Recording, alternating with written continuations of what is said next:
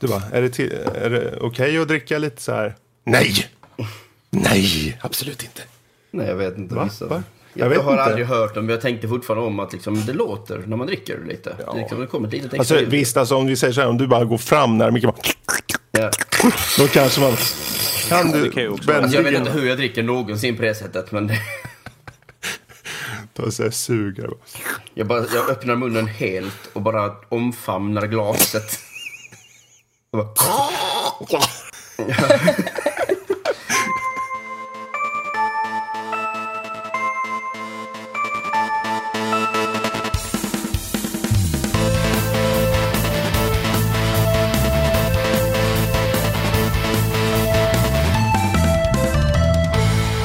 Hallå där och välkommen till Nördliv, en podcast om spel och nörderi av alla de slag. Dagens datum är den 20 i 5 2017 när vi spelar in det här och det här är avsnitt nummer 120. Eh, idag kommer vi ta upp bland annat Gäst i fokus med vår gäst här Alexander. Men vi kommer även ta upp spel och eh, spel i fokus där vi har till exempel eh, Ja, vi har Persona 5 och vi har Mario Kart 8.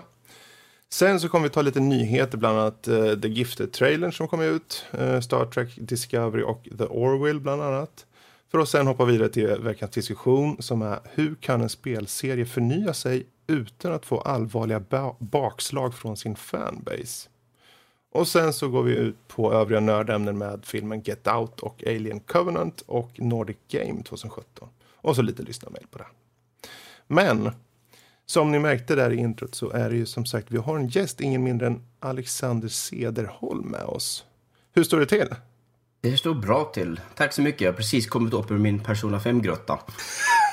Jag ser mot ljuset och chippar, an, tar nya andetag.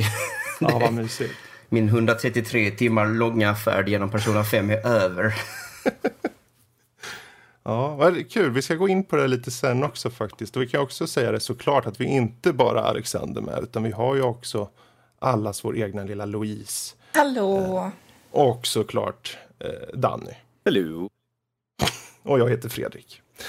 Och eh, ja, vi tar det här gäst i fokus först. Och det som vi alltid brukar göra är att vi kör en så kallad blixtrunda först, vilket är eh, pest eller kolera-svar. Det vill säga du får två alternativ och du måste välja en av dem. Det kommer vara jättejobbigt för dig. Så jag säger pest eller kolera. Den, ja vi börjar med den. Pest eller kolera? Uh, pest. ja, bra. Eh, Star Trek eller Star Wars? Star Wars. Hund eller katt? Hund. Okej. Godis, salt eller surt? Salt. Ja. Gorbis eller Billys? Gorbis. Puss eller kram? Kram. Mm. Här är en tuffing nu för alla som har lyssnat tidigare. Grillchips eller sour cream and onion? Sour cream and onion. Okej. Snorlax eller Eevee? Eevee, utan tvekan. En av mina favoriter. Bamse eller Tintin? Tintin. Mario eller eh, Zelda? Zelda. Hatt eller keps? Keps. Marvel eller DC? DC. Halo eller Half-Life? Halo. Korv eller bacon? Bacon. Uncharted eller Tomb Raider?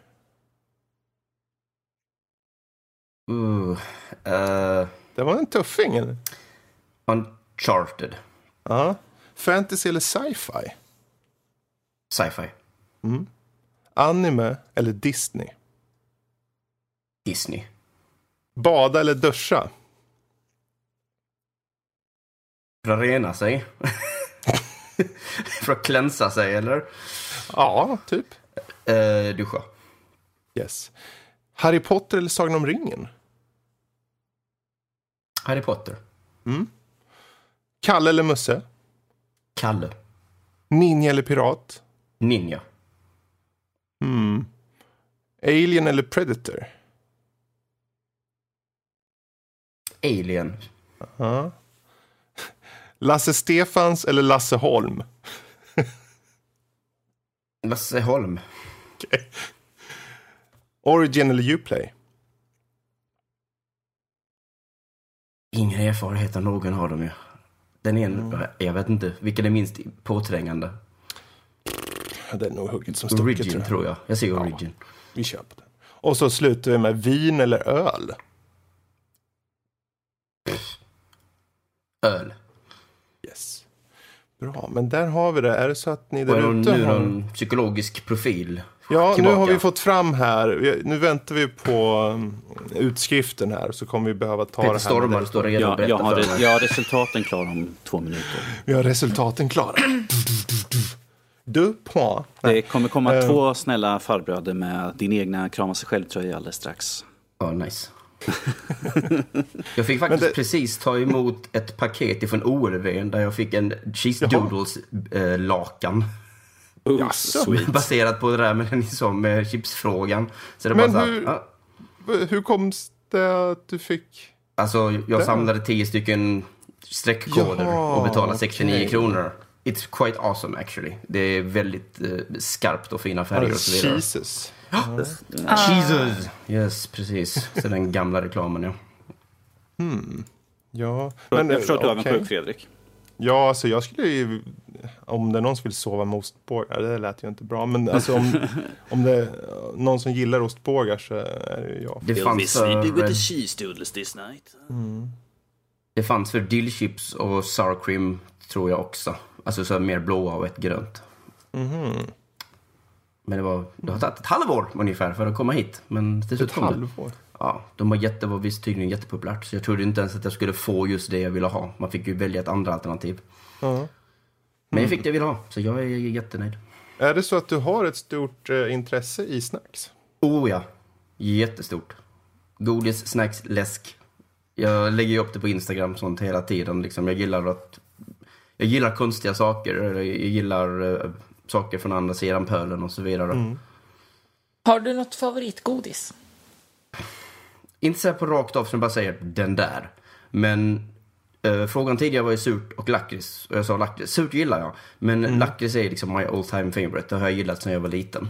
Ja. Så jag är ju en sån där som lite skakar på huvudet när man hör så här amerikanare som testar lakrits och de håller på att dö. Och man bara, alltså ni Ja, har, det ni har kanelgodis. Alltså, och kanelgodis fräter där, på tungan. där tycker jag är mycket roligare när man hör amerikaner som testar våran, våran choklad. De bara mm, lyxchoklad. Jävla snobbar. Så man bara, det är vanlig Det är choklad. Marabou. Ja, precis. Det, det, enligt dem, det är ju lyxchoklad. Eller de testar någon sån här, någon sån här sur sill eller något sånt där. De bara åh, ser ut som de ska dö. Man bara, vad är det för fel på er? Ja, nej. Jag, jag gillar alltså, root beer, cream soda, massa sådana saker liksom. Det är jätteblandat. Men eh, har du varit utomlands något själv så säga mycket? Eller är det... Det händer Jag tänker... då och då. Um, vart Har du något favoritmål? Så, önskemål eller där jag har varit? Både och? Uh, alltså London var ju såklart häftigt. Jag hade liksom varit när jag var fyra år, så det minns jag ju inte. Men jag ville ju alltid dit som vuxen och det, dit kom jag för en fyra år sedan. Eh, och då såg jag, jag såg eh, musikaler. Jag var, såg Fantomen på Operan, vilket är en av mina favoriter sen ever. Eh, så jag såg den på 25-årsjubileet. Och Åh, jag såg coolt. även eh, Book of Mormon. Vilket Ah, är en otroligt rolig eh, musikal av eh, Matt Är det Parker Trey och Trey? Stone. Ja. Mm. Exakt. Eh, Det är som att titta på en riktigt stötande Disney-film, om man säger så. Riktigt stötande. Ja, men de har liksom musik Ja. som, är liksom, som låter som Disney-musik, men med sjuka texter. Um, och sen så var jag även, då var jag även på Wembley Stadium och tittade på en NFL-match med min bror. Han är ett stort fan. Och jag är inte ett jättestort fan, men att få en chans att gå till Wembley Stadium tyckte jag var en häftig grej. Så att, Ja, verkligen. intryck. Liksom 90 000 människor på ett ställe. Jag har aldrig sett så mycket människor i hela mitt liv. Mm. Uh, sen var jag i Spanien för en två år sedan. Var mer soft om man säger så. Gibraltar. Och uppe på Gibraltarklippan. Men vart, eh, vart är ditt drömmål då, så att säga? ja. Och sen en snabb sak. Sen i jul så ska jag till Kanada med flickvännen. För hon har Oh. sin morbror där. Så det ser vi fram emot jättemycket. Vad häftigt. Uh, Önskemål, önsket. Uh, ja, USA, alltså såklart. Uh, New York, uh, Tokyo. Um, jag hade tyckt det var kul att åka till, uh, till Afrika på något sätt, Casablanca för att det är tjejens favoritfilm och så vidare. Så Mm. vi har funderat på det också. Men Men jag tänkte det nu när vi ändå är inne på lite Australien här. vore ganska, ganska neat också. Ja. För jag tänker, för, så, du är inne på film och, du, och till exempel spel då som vi pratade lite om. Ehm, du har ju hållit på mycket, ganska länge med just recenserandet av spel till exempel. Jag har varit kritiker väldigt länge skulle jag säga. Ja. Är det att du är, har det varit specifikt på spel och film eller har det varit även andra områden? Så att säga? Alltså, att presentera mig som en uh, filmrecensent tycker jag kanske inte är helt rätt med tanke på att jag har inte gjort det så jättemycket men herregud, alltså, jag har ju ett jättestort intresse av film. Och jag, ju, jag är en sån där som inte kan leva utan med EM, EMD-appen till exempel när jag tittar på film. Eh, samma sak Ja. med flickvännen. Eh, och det blir bara värre såklart när bägge två är liksom så här filmnördar. Ehm, men f- spel är ju den stora grejen. Jag har ju varit liksom aktiv spelare i 30 år. Men film är bara någonting jag älskar också. Ehm, så att jag skulle säga att jag är spelkritiker och stor filmentusiasm som kan uttrycka mig om film. Men mycket folk som börjar prata med mig när jag även, vi har ju en sida, jag och tjejen, som heter eh, filmpepp.se. Och många säger att vi gör något annorlunda, för det låter som att vi skriver, framförallt jag då, att jag skriver om film som om, när jag skriver om spel. Vilket uppenbarligen då är annorlunda när man bara skriver om film. Eh, så det tycker jag är lite intressant feedback jag har fått. Um, jag gillar som sagt att gå in i detaljer och sånt ju, mer, ju äldre jag blir. jag orkar inte hålla på med de generella recensionerna längre riktigt. Um, Men eh, var kommer det här spelintresset och filmintresset ifrån? Har du några liksom, tidiga minnen som gjorde om det här var, det var då ungefär jag... Alltså, fick upp jag har ju alltid varit fascinerad av spel. Jag vet, mitt tidigaste minne är liksom sagt runt när jag var fyra fem år och var i Stavanger i Norge. Och Mm. då jag såg, eh, eller nej, då, visst, då var jag redan såld på det. För mina föräldrar visste redan att, ja men Alex, han, han hittar vi på båten om vid ka- arkadkabinettet med de stora killarna om vi tappar bort honom. Mm. Så de, det fanns alltid en fascination för det. Uh, min, mitt första klara minne är ungefär någon gång runt 84-85 när vi var i Stavanger, Norge. Och där det första Star Wars uh, så här, arkadkabinettet, det här vektorgrafikbaserade Ja, i, uh, i, i, när man är i Dödsstjärnan. Mm.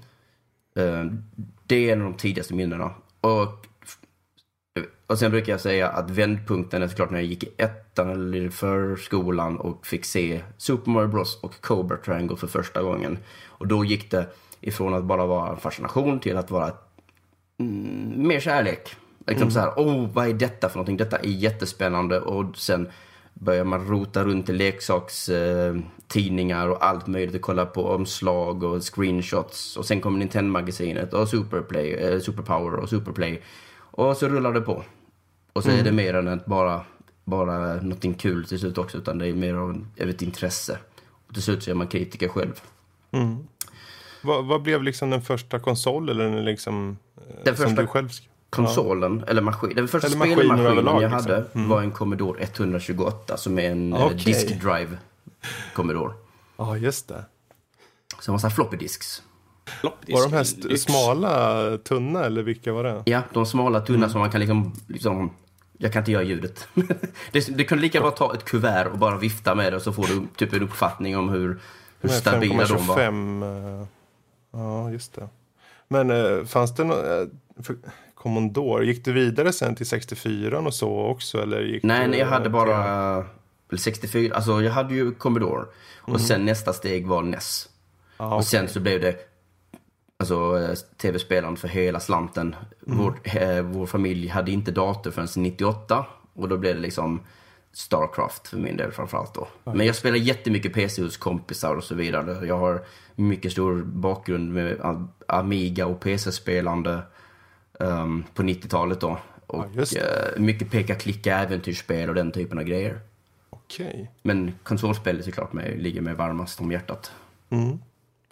Har du något så särskilt spel som, eller flera spel kanske, som har blivit några, ja, typ favoritspel om vi säger så då?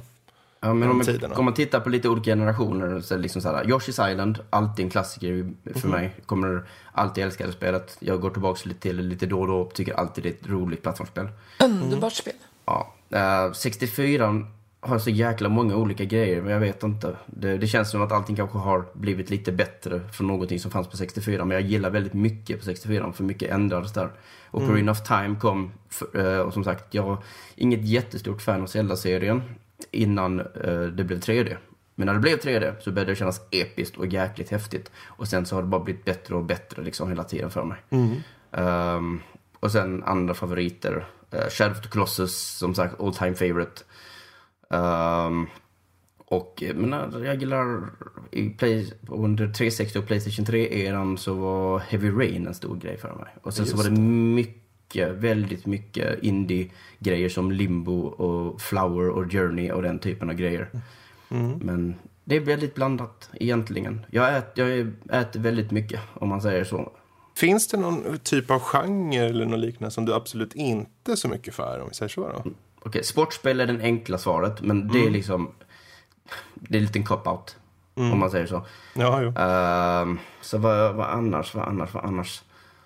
Åh, nu kommer jag inte ens på genre. Jag vet inte, pusselspel, alltså... Det beror på vad det är för typ av pussel. Det finns vissa... Bejeweled, liknande Ja, Bejeweled nej, här, jag tror inte riktigt att det är i längden. Jag tycker jag är jättekul. Även om jag typ tyckte om eh, det här eh, Puyo Puyo Tetris nu jättemycket till exempel. Mm. Ehm, men ja, jag vet inte. Sen finns det de här super hardcore simulatorspel till exempel. Eller super hardcore, R, inte RTS men strategispel. Precis. Det finns en viss nivå där jag går liksom. Men det, det känns ju som att det handlar om, i, i mångt och mycket om upplevelsen, så att säga. Oh ja. ja, men jag jagar upplevelser. Det är ett bra, Precis. för jag brukar säga det själv. Jag gillar nya upplevelser. Så att nu passar det att man är kritiker, eller hur? Istället för att jag dyker inte ner och blir asbäst i ett spel.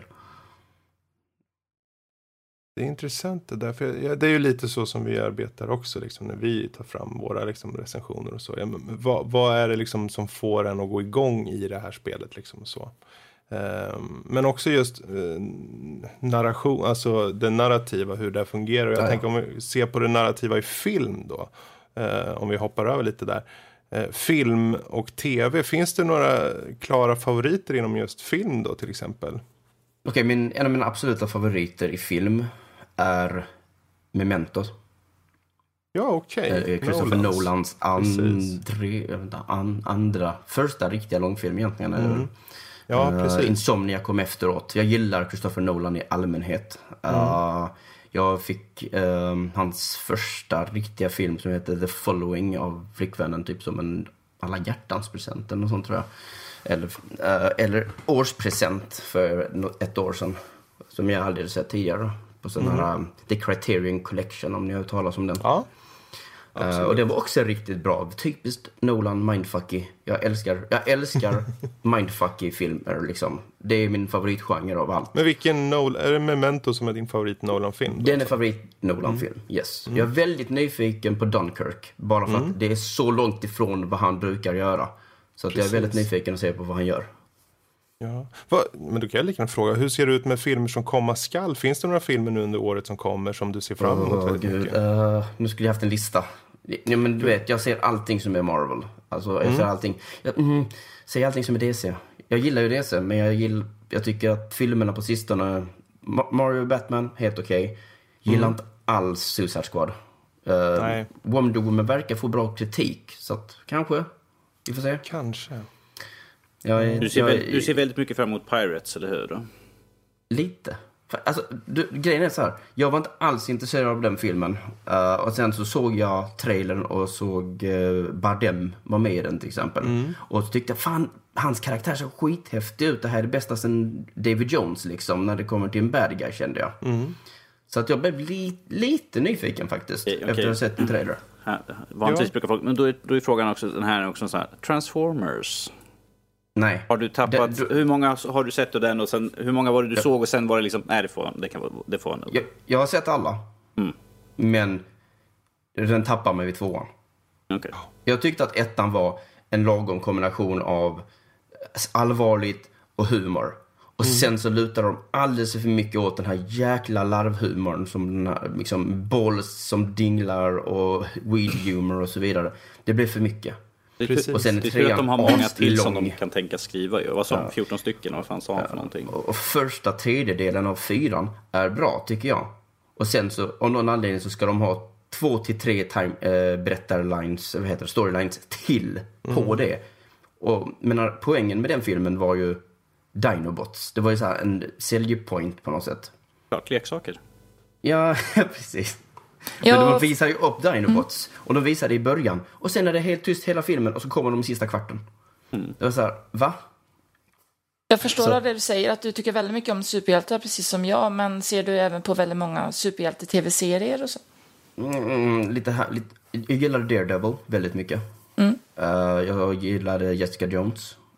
Um, jag släppte Cage. Um, jag kanske kan gå tillbaks till den, men jag släppte den.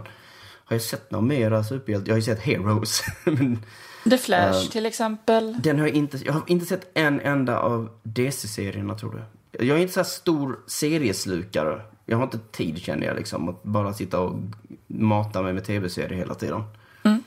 Um, jag kanske är intresserad av den vi ska tala om senare idag. Men hur ser det ut utanför de här eh, väldigt nördiga ämnena, liksom spel och, och film och tv? Finns det några andra liksom, sysslor eller eh, intressen på, på fritiden som du Andra intressen än det och det. Uh, nej, men alltså, jag gillar, som jag gillar att göra saker. Jag, som sagt, jag och flickvännen bygger ut. Jag gillar att gå väldigt mycket. Jag har en sån här person som har stegräknare. Uh, gillar att bara gå långt och gå mycket. Uh, ta in, jag uppskattar att vara utomhus. Jag gillar att bara gå ut och sätta mig och äta med en kompis eller med tjejen och så vidare. Vi gillar mat, gillar att laga mat. Gillar kaffe, gillar att göra kaffe. Um, ja, vad är det mer för någonting? Kommer inte på Ja. någonting just nu. Sen, men en stor viktig grej att ta upp, eh, som jag säger om, så det här är Alex och han är film och spelrecensent. Då är, om vi då tar bort filmgrejen så känner jag liksom att man borde också lägga till mitt föreningslivsengagemang. För att eh, jag, jag var med och del, eh, delgrundade en förening för 14-15 år sedan eh, som heter, den hette Terebegemu, som betyder tv-spel på japanska, men idag heter den Mega. Och Mega är en dator och tv-spelsförening som finns här i Malmö, som även för 3-4 år sedan la grunden för något som heter Spelens hus, som finns i Malmö.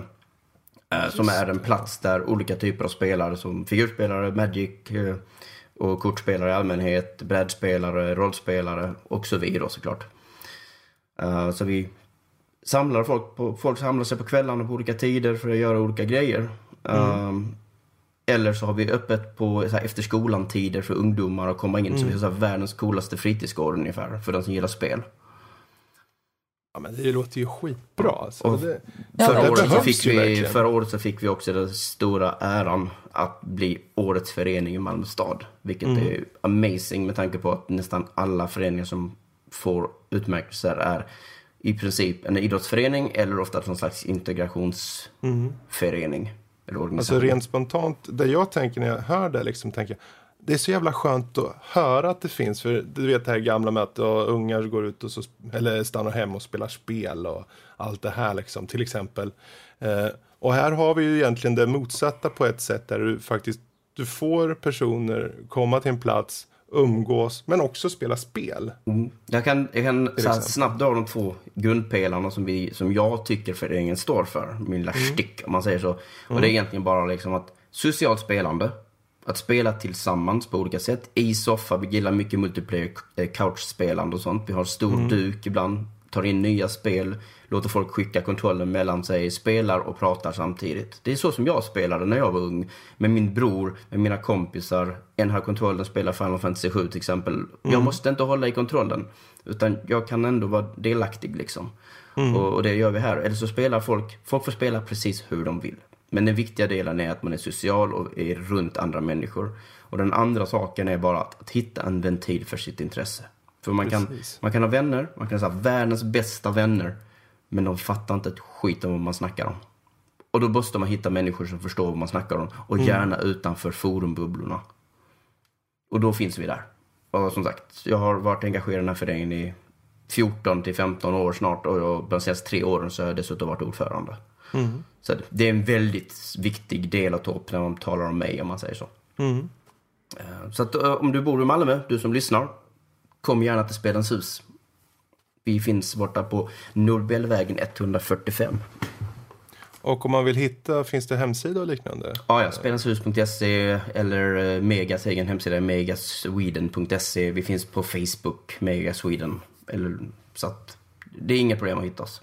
Jättebra. Men vad bra, vet du vad? Jag tror vi rundar av Gäst i fokus här.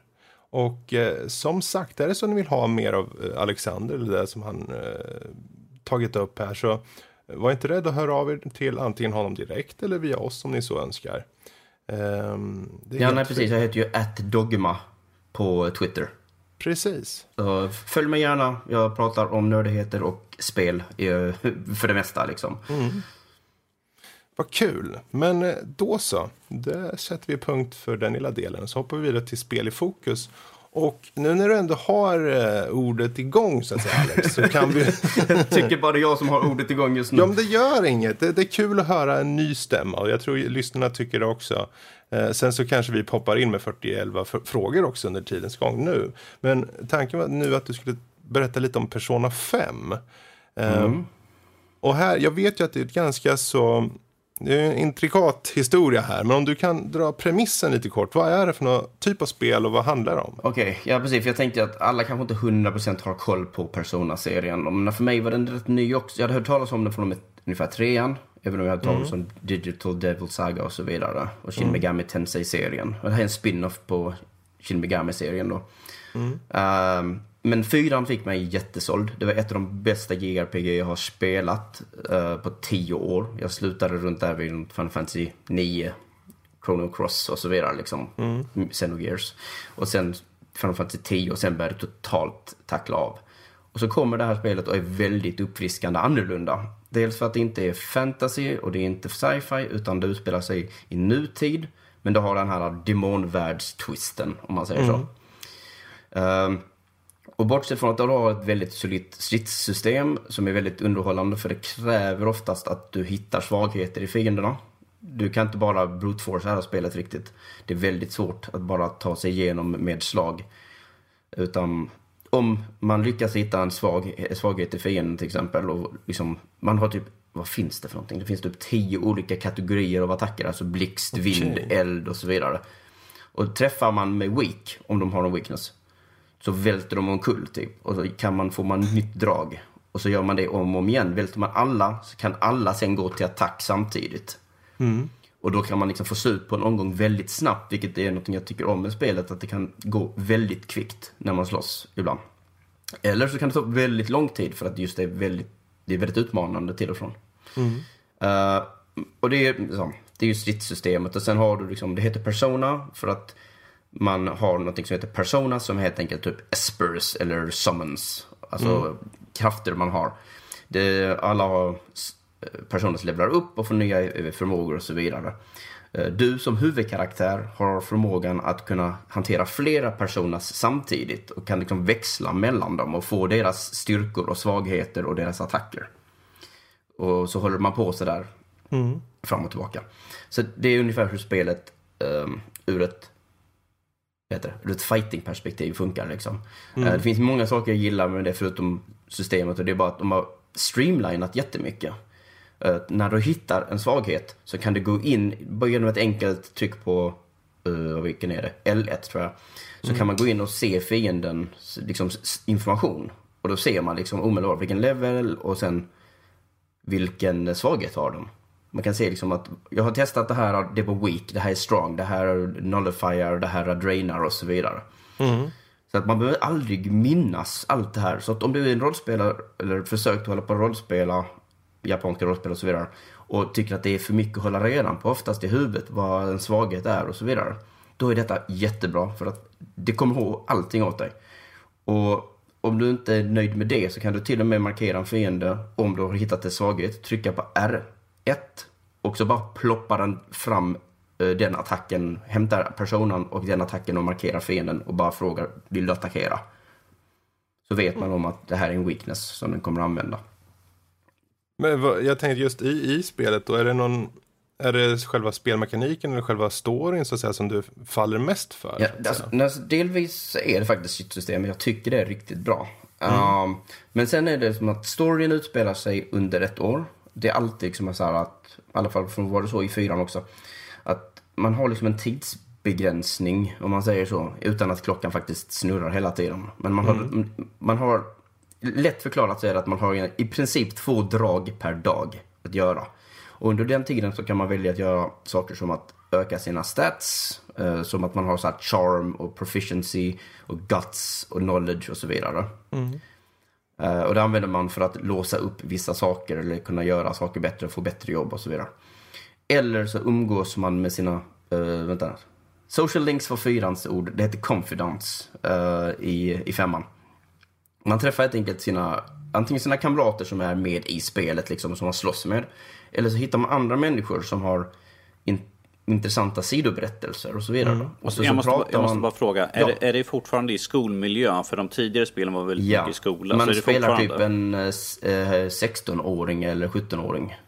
Man är i high school. Okej, okej. De kör, for, ah, ja, de, då kör de Ja, fortfarande det, på det här samma. utspelar sig rakt av i Shibuya. Mm. Liksom. Det, det är i Japan. Det, I fyran så var det ju en liten, det var ju Inaba som var en påhittad liten miniort utanför storstaden. Det här är Shibuya och Akihabara och så vidare. Jag kommer ihåg att jag spelade, jag spelade de första spelen. Det var väldigt mycket gå omkring i korridorer och in i klassrum och allt sånt där. Och börja fr- Ja. prata, prata med alla man, kunde liksom. Ja, och det här har de också streamlinat i femman. För att nu kan du bara med ett enkelt knapptryck få fram karta och navigering och sen kommer den ihåg ställen som är nyckelpunkter. Och så är det bara, ta mig dit. Ta mig dit. Sweet. Snabb, teleporto- eller tel- snabb teleportering, helt enkelt. Vilket är jättebra, för ett problem som fyran hade var att man sprang fötterna av sig till slut. För, Det gjorde man ju tidigare också. Så, Ja, så och så är det inte värt att göra det till exempel. För man kommer dit till personer och så visar det sig, nej de vill inte umgås idag. Och de har också ett, en, eh, man har sin mobiltelefon för det är 2017. Men när hela det här spelet går ut på att den här demonvärlden, de här platsen finns i, då man kommer åt dem genom en, app, en, en applikation i mobiltelefonen. En navigationsapp. Men man kan också få sms, eller man är i så här chattgrupp så som vi är nu. Eh, och får alltid meddelanden om folk vill umgås och sådana grejer. Så man har alltid en liten hint om vem som vill hänga med en ändå. Okej. Men man måste inte göra det. Men ja, det var väl typ basen. Och sen har du då själva handlingen är återigen det är i skolan och du spelar en person som kommer ifrån stor... Nej, från storstan. Herregud, du är ju i Tokyo. Men du har blivit tvungen att flytta för att du har blivit eh, anklagad för eh, eh, assault. Eh, vad heter det? Typ överfall? Överfall. Precis. På eh, en person som du räddar. Du räddar en kvinna från typ överfall men blev själv ditsatt för överfall. Ja, okej. Så att det är på det hållet. Och eh, du, så du har ett dåligt rykte. Så att du hamnar i skolan och så går man skolgången och så, så träffar man vänner. Men ganska tidigt i spelet så upptäcker man det här att man helt plötsligt bara kan vandra rakt in i den här demonvärlden. De här eh, förvrängda världarna som är liksom en reflektion av en persons psyke. Och deras undertryckta eh, önskemål och eh, eh vad heter det? Desires. Det blir önskemål typ. Om, om det skulle finnas i verkligheten skulle Fredrik lilla sånt där vara en, som en rosa liten kanin i så fall. Ja, det, men ja, precis. Men det finns också, det finns precis för att det, de tidigare spelen hade ju random, eh, eh, random generated dungeons. Ja. Det här har designade palats, som de kallas, där man går in för att då stjäla ägarens skatt, som är det som representerar deras, deras behov. Eh, Men man kan också lämna palatset och besöka något som heter Mementos, som är en random generated dungeon, som man kan levla upp i och hålla på. Så att de har gett en lite av bägge världar och binder ihop det ganska bra faktiskt. Och då får man åka omkring i en kattbuss, så det är ju inte fel. Eller en kattvan för att vara ärlig. Kattfan. Ja. Men, um, Så det, jag- det är väl, åh gud, jag skulle, spelet i ett nötskal, men det där var långt ifrån ett nötskal. Och då har jag inte ens börjat prata om vad jag faktiskt egentligen tycker om saker. Men Vänta, vänta, Men om vi då sammanfattar lite Det är här väldigt i... mycket. i om, om, vi, om vi sammanfattar i, i vad du tycker om spelet och för vem den är riktad så att säga. Eh, om det nu finns någon tydlig grupp av gamers. Ja, precis. Alltså det är precis, det är den här märkliga kombinationen av JRPG med du vet, tur, turbaserad liksom stridssystem på något sätt. Och sen har du den här lite nästan datingaktiga systemen. Liksom när man går och pratar med folk och sånt och levlar upp liksom sin relation med folk. Um, men, och så får man liksom vara lite taktisk på hur saker funkar och så har du det här med dagarna. Och liksom, för oftast har du när man kommer fram till vad någons palats är och var, alltså att om man ska ha skatten så har man oftast en deadline för det är någonting som kommer hända om man inte lyckas liksom lösa det. Så har man liksom, ja men du har 19 dagar på dig och då får man använda sina 19 dagar hur man önskar. Um, så det är det som är väldigt annorlunda upplägget. Det är inte så att man vandrar runt i en stor värld eller någonting liknande utan det är väldigt ihoptryckt liksom. Och jag gillar det. Jag tycker det är bra. Men sen samtidigt så, ja. Det, någonting som jag har funderat mycket över är liksom, är det bättre än fyran eller är det bara så här goda minnen om fyran? För det finns väldigt mycket, jättemånga bra optimeringar med det här spelet som inte fanns i fyran.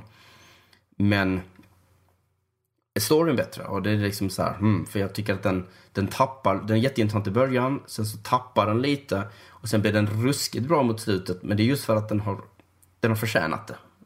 Det finns poäng med nästan mycket saker som händer i spelet. Men du vet, man fattar inte det förrän så mycket senare. Så jag kan bara säga att du måste ha tålamod och du måste tycka om den här typen av tempo. Som jag sa, 133 timmar har jag spelat. Och det är bara...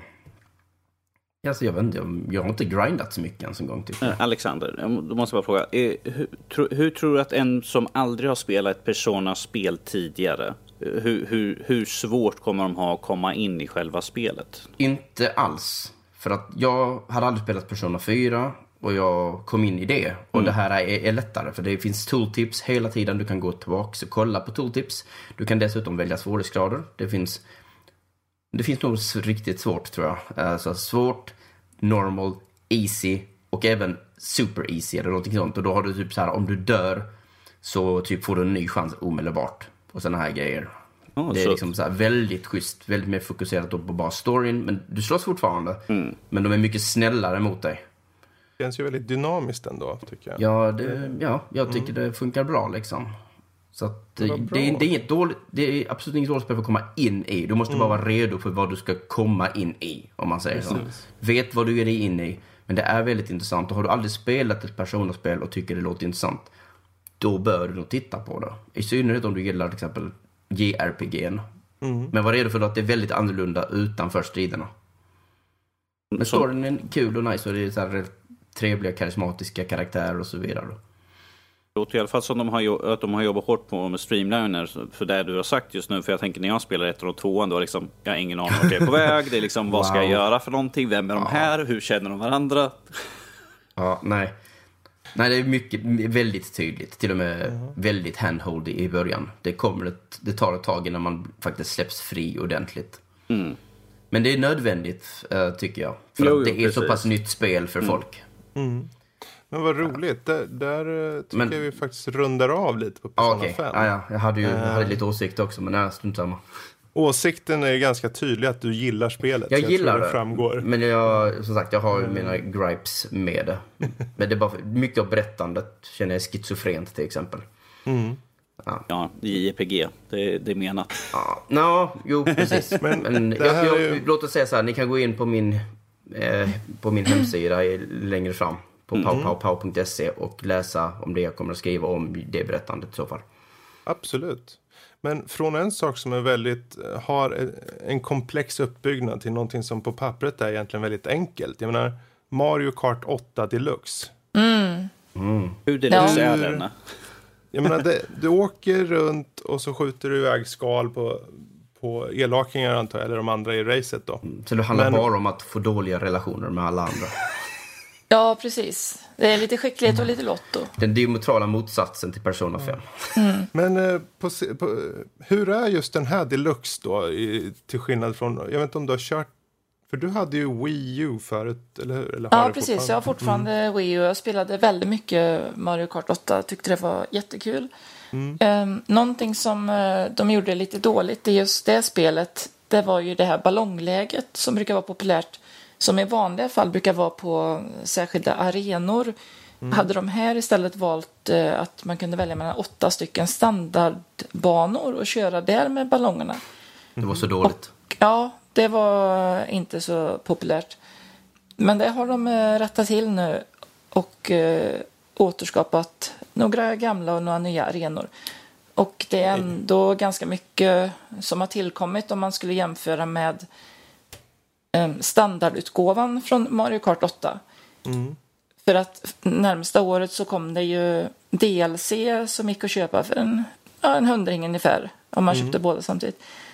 Eh, som innebar fler banor, fler karaktärer eh, och sådär. Och det ingår ju nu i deluxe-förpackningen så att det är ju väldigt mycket eh, sådär. Det är väldigt mycket spel för pengarna. Ja, verkligen. Jag är så glad att det är samlat på ett ställe för jag tyckte, jag kände, jag gillar DLC-banorna. Men jag hade hellre velat haft en skiva eller en kassett som i det här fallet liksom, där allting fanns. För jag gillar inte tanken att det finns Mario Kart-banor som jag inte kan nå om en hårddisk pajar.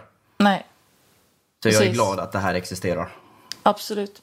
Sen finns det väl eh, vissa grafiska eh, uppgraderingar också. Eh, Det är någon så framerate som tydligen var 59 egentligen.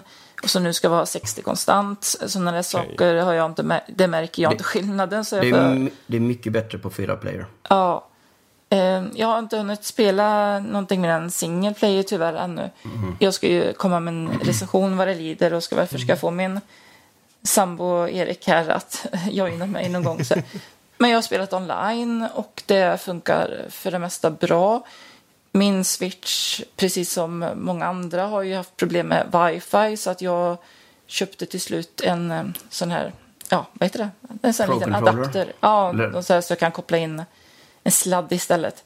Men eh, trots det så faller jag bort ibland i spelet och det är sånt där som Nintendo verkligen får se till att det funkar sen. För tanken är ju någon gång i höst vad jag förstår att de ska börja ta betalt för att spela online och då måste det ju funka.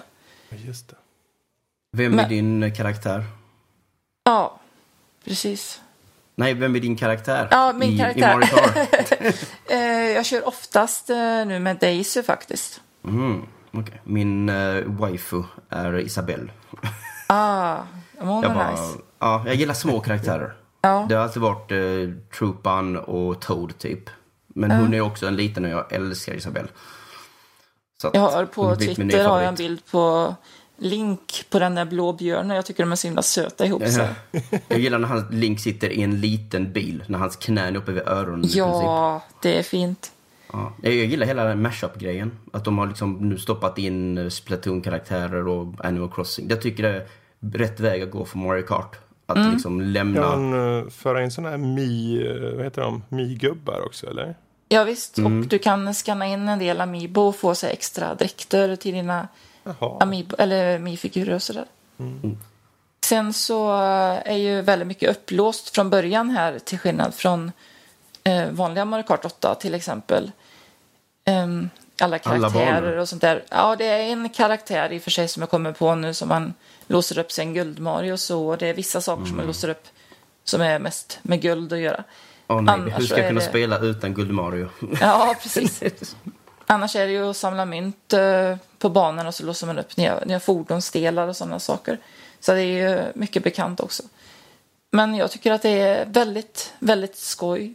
Och ehm, Alltså, Louise, jag, jag känner bara att jag har inte alls lika mycket att komma med här efter Alexanders fina recension. Louise, Louise, nu är jag lite nyfiken. Vi har, vi har hört att du, du, är lite, du är lite blygsam. Vi har hört av eh, Erik att du är ganska blygsam om hur, hur bra du var på förra spelet. Hur känner du att du klassificerar på det här spelet? Är du, är du i liksom toppklass här nu igen eller får du stryk av Erik ibland? Ehm, jag skulle nog säga att det går hyfsat bra. Jag Hyfsat bra. Ja, jag, jag klarade här, faktiskt. här, hon är blygsam här. Det är okej, ja. jag, jag tar väl i mål sådär. Jag fick, Jag kommer väl tre, etta hela tiden. jag fick tre stjärnor på alla de här 200 cc Grand. Prix-cuperna och det var jag ganska stolt över att ha klarat. Eh, så att, ja. Hyfsat bra alltså. Okej, jag, jag är det, var, det var tack vare att jag äntligen lärde mig bromsa. Äntligen lärde du bromsa. Och jag, jag insåg sen varför jag lärde mig bromsa. Det var för att med den setupen jag hade på Mario Kart 8 till Wii U, då körde jag nämligen med Wii Remote och Nunchuck. Jag tyckte det var så skönt att kunna hålla dem lite hur man vill. Så. Men eh, för den som har spelat med den setupen vet det att man kan inte trycka in bromsen samtidigt som man slidar på det där sättet. Eh, För det är samma knapp nämligen. Mm, okej. Så att, men nu när jag körde med min Pro-controller så då gick det faktiskt. Så att, tada!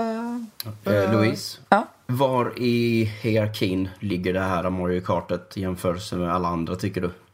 Eh, Ja, jag tyckte, jag var väldigt osäker i början. Hmm, Mario Kart Wii älskade jag så mycket och sen när Mario Kart 8 kom så var jag lite, mm, kanske lite det med ballongerna också så här, och, mm, men nu när jag har spelat det så mycket och nu när, när Deluxe-varianten har kommit, då är det Mario Kart 8 Deluxe. Det är det bästa Mario Kart tycker jag någonsin. Jag, jag börjar också luta mot att åttan är absolut det bästa. I synnerhet då Deluxe på grund av att de rättade till alla felen. Uh, jag, jag var aldrig så såld på Wii-spelet. Men jag, jag gillar Double Dash. Personligen. Mest för att det har den bästa banan genom hela serien. Mario Kart Wii var kul för mig på det sättet att det introducerade mig faktiskt till att spela online. Jag är ju ingen PC-gamer utan jag har ju kört Nintendo och då var det just det spelet som fick mig online och det var riktigt kul. Roligt. Så det, är, jag, det här är ju ett spel som jag faktiskt har kört. Alltså jag, hela Mario Kart-serien har jag kört väldigt, väldigt lite av faktiskt. Ehm, så det, och jag har ju funderat på att skaffa en Switch. Egentligen mest för eh, Odyssey till, till vintern där. S- Super Mario Odyssey. Men det ta mig tusan om jag inte blir sugen på det här också. Alltså. Det här är Men- riktigt, riktigt bra. Men det är ju, jag, har, jag, är ju, jag vet inte om jag blir skadad för jag är ju sån här Uber-bilspelsnörd också. Eh, Men som verkar- gillar du arkad-racing? Eller är du väldigt simulatorbaserad?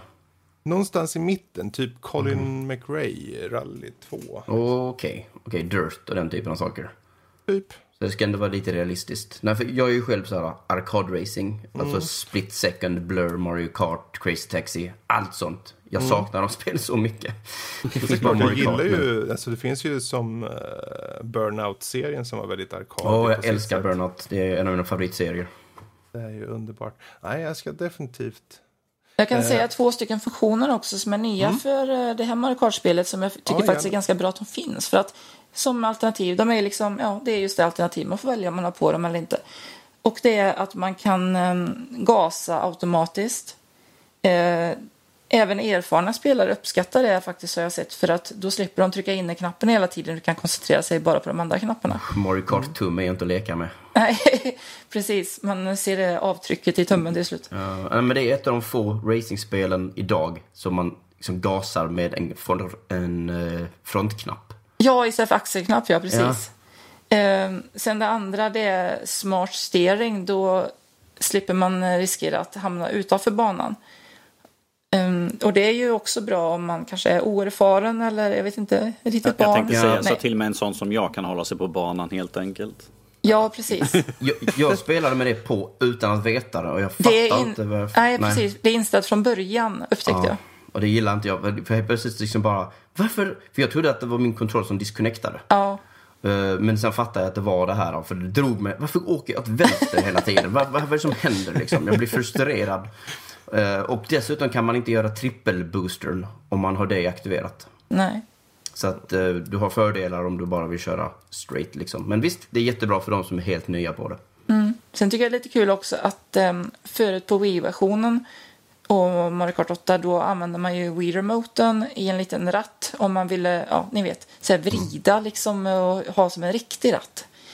Men eh, här behöver man inte det utan eh, om man har en eh, Pro-controller så går det att välja liksom tilt-kontroll så då kan ni hålla den vanliga handkontrollen som en ratt och köra med den liksom.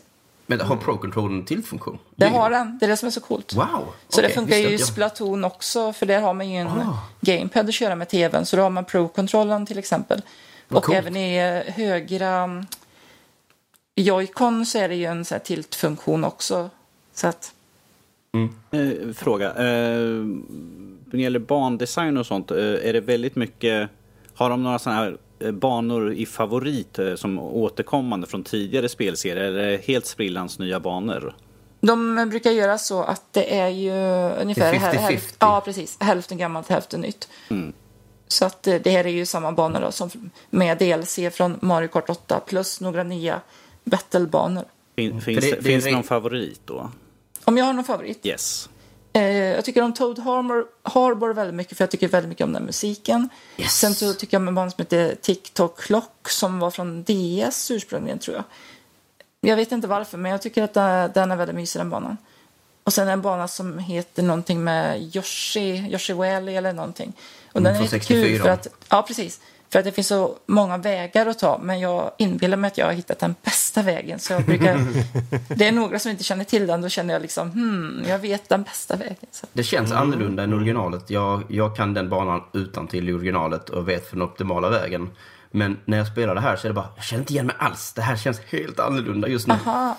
Det, det, är bara, det är mycket bredare, allting är mycket större. Så jag, jag vet inte ens om jag kör samma väg som jag brukar göra.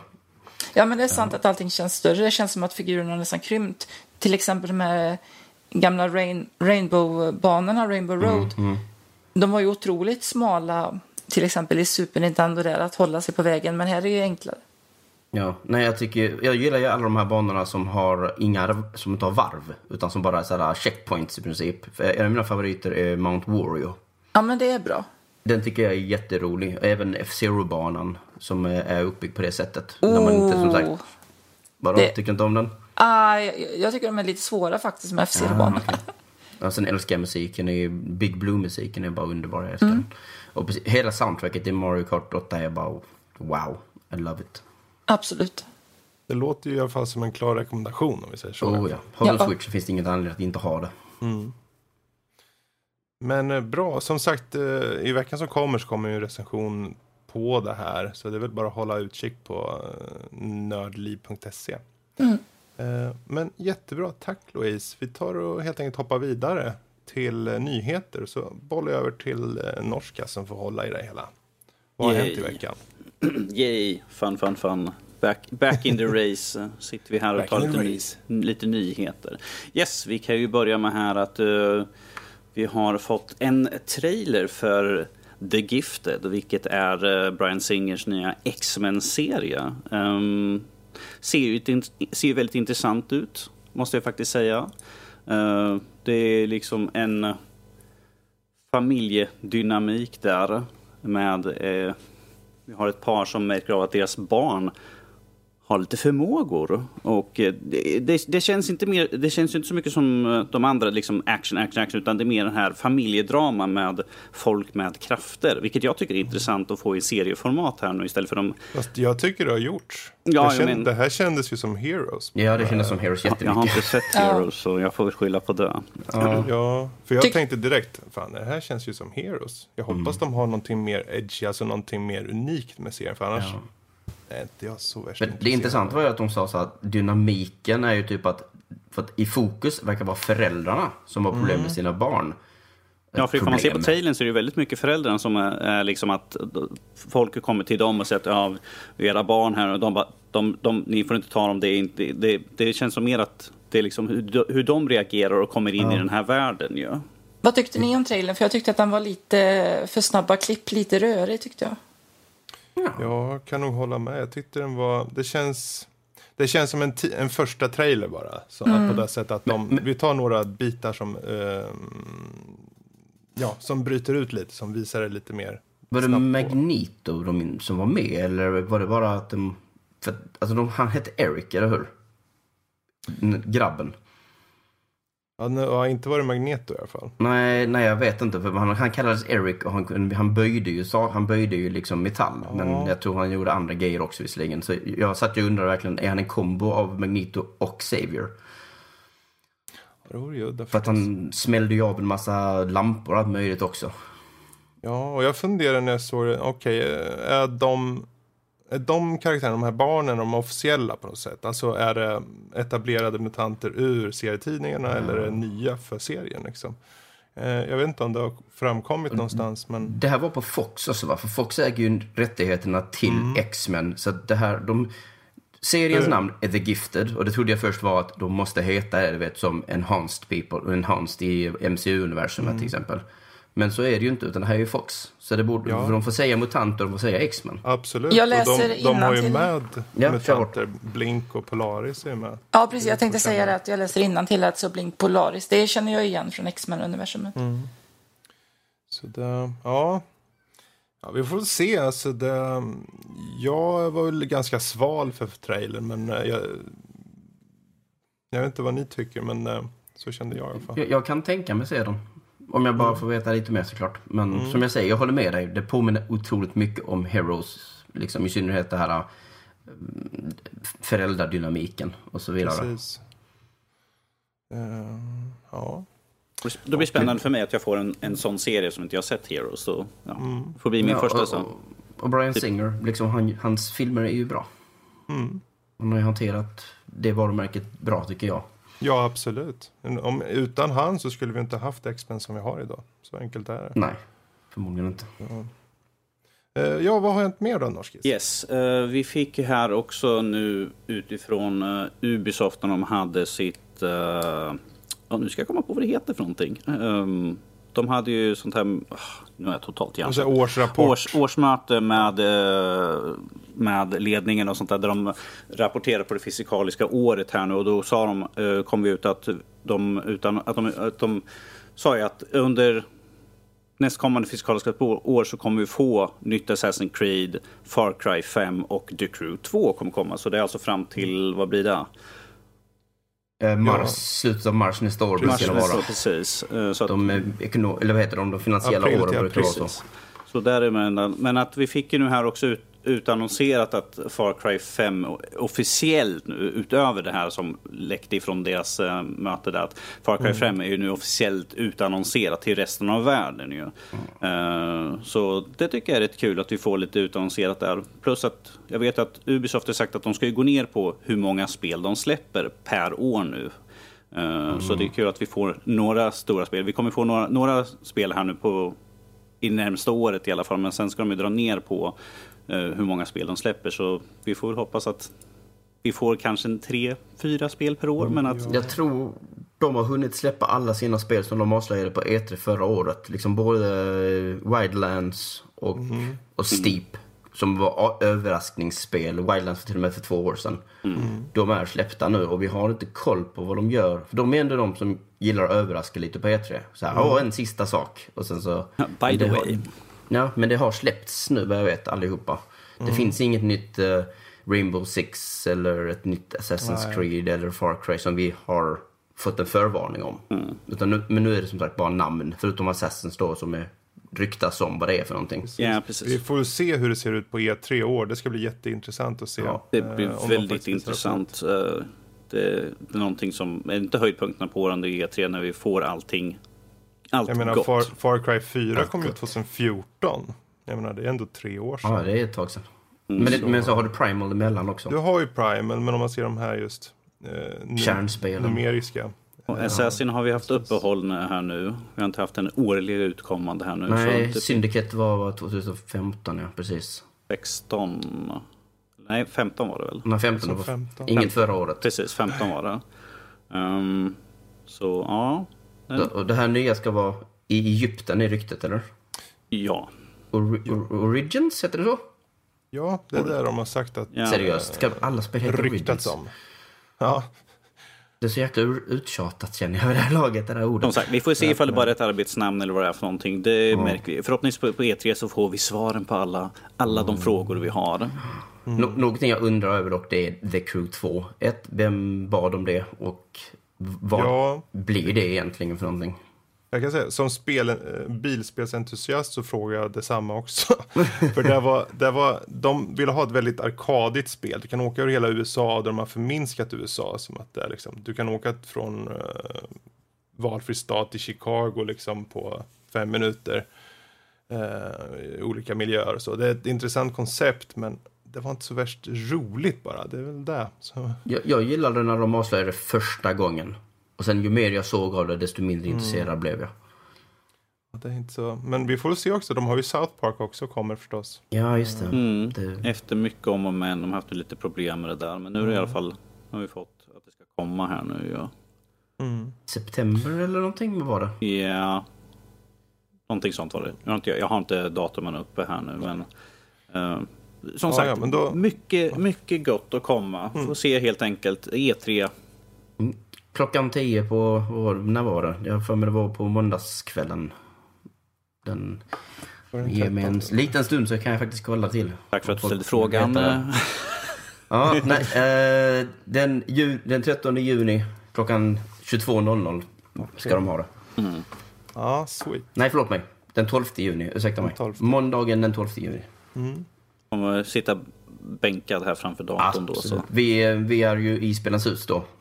Vi har det på eh, storduk. Och så är vi typ så här 40 Ah, vad människor som sitter och kollar på allting. skit. Massvis med folk som sitter och spekulerar och sitter och oh, ah. Så återigen, bor du i Malmö och omnejd, välj Spelens hus under E3. För Och ni då- som eh, tycker om Ubisoft-spel och har en Switch så kan jag lugna er genom att säga att Just Dance brukar komma till Nintendos konsoler. så att, Ja, just det. Ja, ja det, men herregud, de har ju Joy-Consen. De är ju bara som gjorda för att fortsätta på samma, samma spår. och så var det något så här Rabbids, eller vad heter de, de här Rayman kaninerna. Rabbids. Någon sån här Mario crossover med Mario. Ja, det, det är jag nyfiken på vad det ska bli för någonting. Ja, det blir intressant att se vad det blir utav det hela. Jaha, men vad hade vi mer då för nyheter? Yes, vi har ju här två, två trailrar som vi, tar och eh, slänger ihop. Vi, har, vi hade ju Star Trek Discovery, den nya tv-serien släppte ju en trailer här ju. Och samtidigt så fick vi den Star Trek-inspirerade The Orville. Mm, just det. Med Seth MacFarlane. Seth MacFarlane. Ehm. Vi kan ju ta Star Trek Discovery. Vad tyckte ni om trailern? Var det... Vem vill börja? Ja, den, den var ju... Den sa inte så mycket tyckte jag. Den, den visar mest lite av det grafiska. Den, den, jag blir ju lite så här, hmm, jag hoppas de använder Michelle Yeoh bättre för där var hon ju bara stel och tråkig. Uh, däremot hon uh, svarta tjejen, hon tror jag kan bli bra faktiskt. Det, Fast jag vill se mer. Jag vill veta mer och se någon lite mer eh, story-trailer på något sätt. Mm. Upp Jag, jag håller nog med. Jag tyckte också att den gav mig jättelite. Och bara så, åh, det kommer en ny Star Trek-serie. Okej, Mm. intressant. Men jag fattar ingenting. Jag tyckte i stilen så kändes den väldigt mycket som eh, den här rebooten med filmerna. Ja, Och det, det kan jag ju förstå, för att det är ju så Star Trek ser ut nu för tiden, om man säger så. Och de som tycker om filmerna ska väl lockas in i det här också. Men däremot så har de ju sagt att den här ska ju faktiskt utspela sig eh, tio år innan, den, i den gamla tidslinjen, tio år innan gamla Kirk. Alltså, så den är inte i filmuniversumet, så då känner jag bara att hur ska de gå från det här till hur 60-tals Star Trek ser ut på tio år? Det känns lite, vad ska man säga, deras dräkter såg för moderna ut. Det kanske är fel, men... Nej, jag förstår hur du tänker faktiskt. Och så kändes det det lite för mycket action och det kändes, ja. Det gjorde inte Star Wars bättre heller. Mm. Med liksom Phantom Menace och så vidare. Liksom helt plötsligt, oj, allting är glänsande och perfekt polerat. och Ja, allting precis. Är, och sen bara, du vet. I, I de riktiga, de första filmerna liksom, så är allting så här skitigt och slitet. Och, och det, är det, det är därför jag gillar den så mycket. Det är så, ja. det är så Jag hoppas slitet. bara att det inte blir för mycket action utan liksom att de lugnar ner sig lite för att det var ju det som jag tyckte om mycket med Captain Kirk eh, och eh, Jean-Luc Picard och de här andra liksom det mm, mänskliga, de är inte mänskliga allihopa men alltså det är dramat me- mellan folk liksom och så här. De tar ju Ja. ofta upp saker som eh, fast på ett annat sätt, så klassiska klassiska frågor. är, precis, för det är det som är så bra med sci-fi överlag. Och framförallt det som jag tycker också faktiskt Star Trek har gjort. Det är just ta de här, jag menar, rasfientlighet, alla de här stora ämnena kan de för, försätta i rymden och försätta, liksom, distansera oss som tittare från vår vardag och ändå få in Precis. liksom, vad, vad det faktiskt innebär med de här sakerna som de pratar om. Liksom. Och kunna sätta olika kontraster mellan olika aliens till exempel gör det mycket enklare för oss att säga ja men jag tycker han har fel, jag tycker han har rätt och de kan liksom och hitta väldigt mycket nyans i det hela också. Så det är ju det som var i signum på sätt och vis. Mm. Eh, I alla fall för Generations och framåt. Det var ju mer eh, campy såklart i originalserien tycker jag. Men um, den hade också en del bra frågeställningar. Men um, mm, ja, jag, Men- jag ser fram emot det men jag vill se mer. Yes, men om vi då går ifrån den, den väldigt intetsägande med massvis scener egentligen till, till den mer, lite mer oseriösa komedin The Orville, vilket är baserat utifrån Star Trek-universum. Vad tyckte ni om den då? Nästan parodiaktigt. Ja, Yes. men jag tyckte den var rolig. Jag tyckte också, jag tyckte också humorn satt bra liksom. Jag, jag gillar Farland, eller vad heter de? Hans, eh, vad heter den, West? One million ways, ways to die in the West. eh, Ja, just det. och även Ted. Ted 1 är riktigt bra. Ted 2 är Ted lite 1 är sämre. Ja. Men jag, jag gillar hans humor överlag. eh, även om man har tröttnat på Family Guy lite. Så är det liksom... Han, han vet vad han gör överlag. Alltså han, han har ju blivit betydligt mer slipad verkligen som, som komiker tror jag. Och jag tror att han producerar och tar fram en sån här serie och även med i den. Det, han, inte nog med att han, han kan nog få med väldigt bra commentary på hela genren i, överlag. Men han kan göra det ganska underfundigt också. Eh, jag, ty, jag tycker den var, såg väldigt lovande ut faktiskt. Först när jag såg trailern så trodde jag att det var en film faktiskt. Men det är ju en tv-serie. Alltså, så att, Jag kan vara intresserad av den faktiskt. ja. Men det är fullt möjligt. Men sen, sen var jag även en detalj till. Jag tror det var regissören för den. Var eh, John Favreau. Ja, Vilket just är också någon jag tycker om. Det, Det, var det är ju kul att han vill jobba med en tv-serie liksom. För att han gjort väldigt mycket film på sistone. Det är inte att han gör bara typ pilotavsnittet eller något. Ja, det, det, är sant, alltså det stod ju i trailern. Alltså hans namn stod ju där som producent. Var, nej, jag kommer inte ihåg vad det stod producent eller om det stod alltså director. Oavsett så är det ju, jag tycker, för Jonathan Frakes är också med som eh, producent. Jag fuskar lite grann. Jag kollar IMDB här. Då står han eh, Favreau som exec- Executive Producer, One Episode Pilot. Fast Ja, okej. det kan ju eh, ändras till fler avsnitt senare. Ja, det kan det. Kanske. Och Jonathan Frakes, han vägrar ju släppa taget. Han, han fick ju inte göra något mer, så nu är det klart han vill vara med på någonting. Nej, men Brandon. Braga också. Brandon Braga, eller vad han, jag vet inte hur man säger hans namn, men han, som, han har gjort jättemycket sci-fi-serier. Eh, så det är många namn här man känner igen. Robert Duncan McNeil, är inte det han från Voyager förresten? Han står också med som directed by. Ja, ja. Eh, det var han Lieutenant Paris från Voyager. Ja, just okej. Ehm, Okej, ja men den där, ja, just. När kommer den här egentligen? Vet du det? Det stod, det stod inget eh, när den kommer. Har vi ett datum på den eller? Nej. Alltså, inte, inte, som, 2017. inte som jag såg, Nej. ingenting som stack ut i alla fall. Det Det står stod. bara att det kommer i år. Jag, jag gick ju mer igång på den här trailern faktiskt än eh, den andra trailern för Star Trek. Mm. Ja, ja, det var... Även om jag ser fram emot båda såklart. Ja, nej, men humorn satt rätt för mig tyckte jag. Så Absolut. det, det känns, lock, eh, känns lockande, vilket är kanske rätta saken att säga. För det är precis det de vill ju. Att jag ska dras in i det. Mm. Och som tv-serie så låter det också det som... Jag hade gärna sett det som en film också egentligen, men... Ja, Det är, väl sällan jag ser på komiska serier faktiskt nu för tiden tycker jag. Så det hade Det varit är väl den där farhågan känner jag att, att lyckas hålla komiken relevant och intressant och framförallt rolig genom en hel serie. Det är inte Mm. alla som klarar det, det kan lätt gå upp och ner. Så det är väl egentligen det då som jag känner, ja, hoppas att han... För han står ju ändå på writing credits. eh, Men sen är han ju van vid att göra Family Guy. Ja, så han har ju det, men det, mm, det ska bli ja, jätteintressant. Mm, Det är inte sällsynt med, med komedier som är jättelånga. Nej, så är det. Men det är typ det enda jag tittade på när jag var yngre på 90-talet. Liksom. Bara en jäkla massa komediserier. Med varierande kvalitet såklart. Där har vi det i alla fall. Yes, men eh, av de två klar favorit, The Orville, eh, beroende på hur, eh, kan vi se på hur länge vi pratar om den och hur lite vi pratar om Discovery. Men om vi går över till den, den sista nyheten. Vi har fått en utannonserat här nu och en trailer för, jag tar säger fulla namnet, Zon 261 eller Operation Ragnarök. En svensk zombiefilm eller vad man ska säga. Ja, Intressant. Det är typ ap- så här, apokalyps nästan. Mm. Ehm, Har vi haft en sån tidigare? Har vi haft en... Vi har ju absolut inte haft en högbudget zombiefilm i Sverige tidigare. nej, jag, jag, jag, jag, har, jag har ingen minne av någonsin sett Nej. den här typen av film Inte, i är, Sverige. är det någon som har sett eh, den danska kortfilmen Zombie Hagen? Nej. Nej, det, Är det de gjordes för någon- tre, fyra år sedan av eh, typ väldigt litet team. Och den var faktiskt ganska bra. Men den var snart 20 minuter lång. Men eh, Jag har det, något det var, svagt minne. Jag kommer bara ihåg att de var på slutet på någon så här eh, hangarställe eller någonting. Jag vet inte om det är den, men alltså en massa container och grejer. Ja, i den, i den är de... I mitten av den filmen typ så, är de inne på typ eh, parken. Alltså Ja. fotbollsstadion eh, i, i Ja. Köpenhamn. Precis, men då är det nog den jag sett. Ja, men den, den är rätt nice. Jag blev väldigt förvånad över, oj shit vad bra de fick en zombiefilm att vara och fungera i, i Danmark och Köpenhamn. Och de talar danska också i den filmen.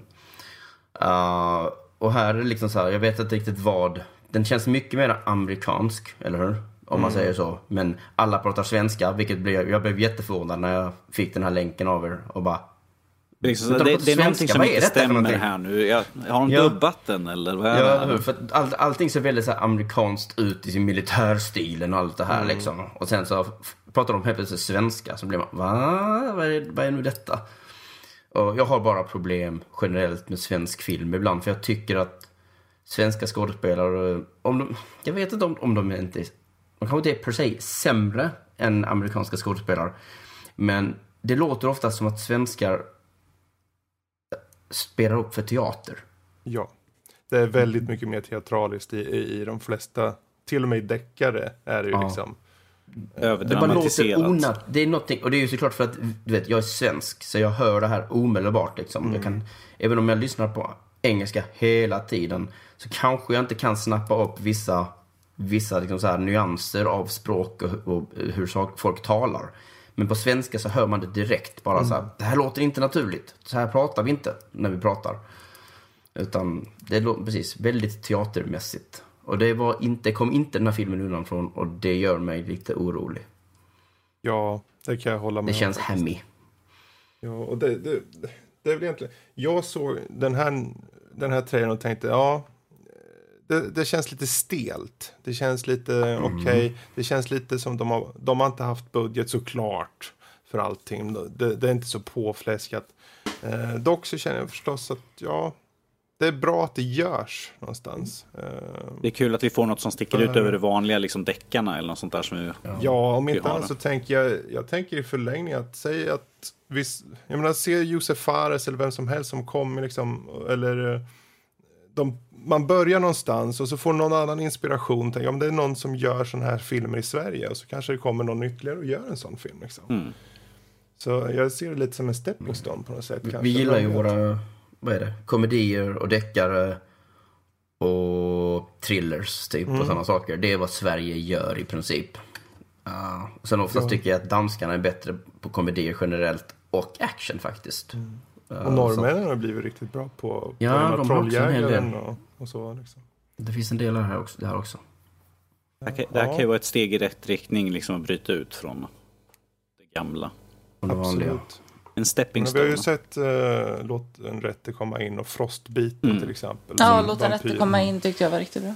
Men de, är också, de använder ju också precis svenska, svensk kapacitet kan man säga. Liksom, att, du vet, de är ganska intima och små och funkar därför väldigt bra med det här svenska dramaformatet och så vidare. Den här var ju omedelbart direkt annorlunda. Det var så, det, okej, det här känns inte svenskt som sagt. Så får vi se om det funkar. förstås, jag antar också det är klart när jag sitter och tittar och jag sitter och stör mig på ditten och tänker och så kommer jag på mig själv, men det är ju bara för att jag är så jävla ovan såklart också. För det är ju inte som att man ser sådana här typer av filmer och tänker ja men det här kommer ju bli, det här blir nog bara skit tror jag. För att det är ju svenskar och det låter så stelt, men nej vad fan. Det kanske blir bra, vad vet jag? Jag vet inte. Jag blir överraskad. Jag, jag blir sällan glad över svensk film, ska jag dock tillägga. Så att jag, är- jag håller mig skeptisk. Mm, det är bra.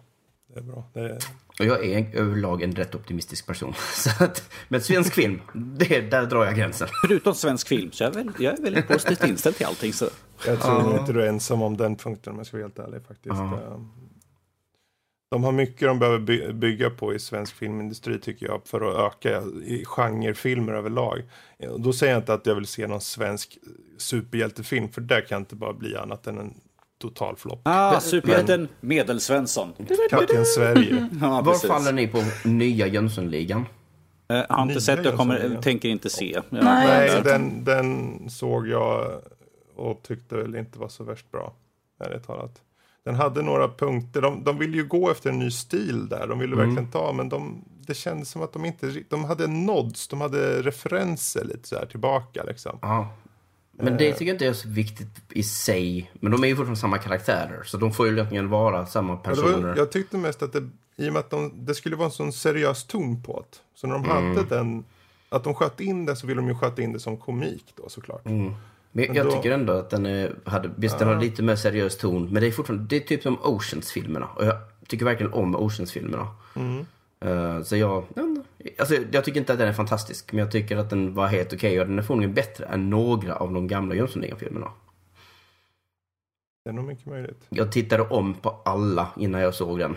För jag blev så nostalgisk. Och det var, alltså vissa av de sakerna håller inte längre. Eh, så tycker men, jag, men sen jag- är det ju bara att vissa av de här karaktärerna är bara så ingrained i vårt psyke. Så är det. Precis så. För jag tror att det är, man växer upp med saker och sen blir saker så pass kultförklarade. Jag kan säga för min del, jag är inte så jävla frälst i Sällskapsresan till exempel. Eller i någon av de här äldre filmerna som är så jättehypade. För om man tittar om dem så är det nästan så att jag, jag, jag tycker jämt bara pinsamt på något sätt. Och jag tycker den Bara- första sällskapsresan fortfarande är jätterolig. Jag gillar tvåan lite faktiskt. Men- Snow det är Roller. Snow Ro- heter den Roller? Ja. Mm. Icebitter. Men vi kan väl runda av här på, på nyheterna tror jag. Ja. Ehm, och så hoppar vi faktiskt vidare till veckans diskussion.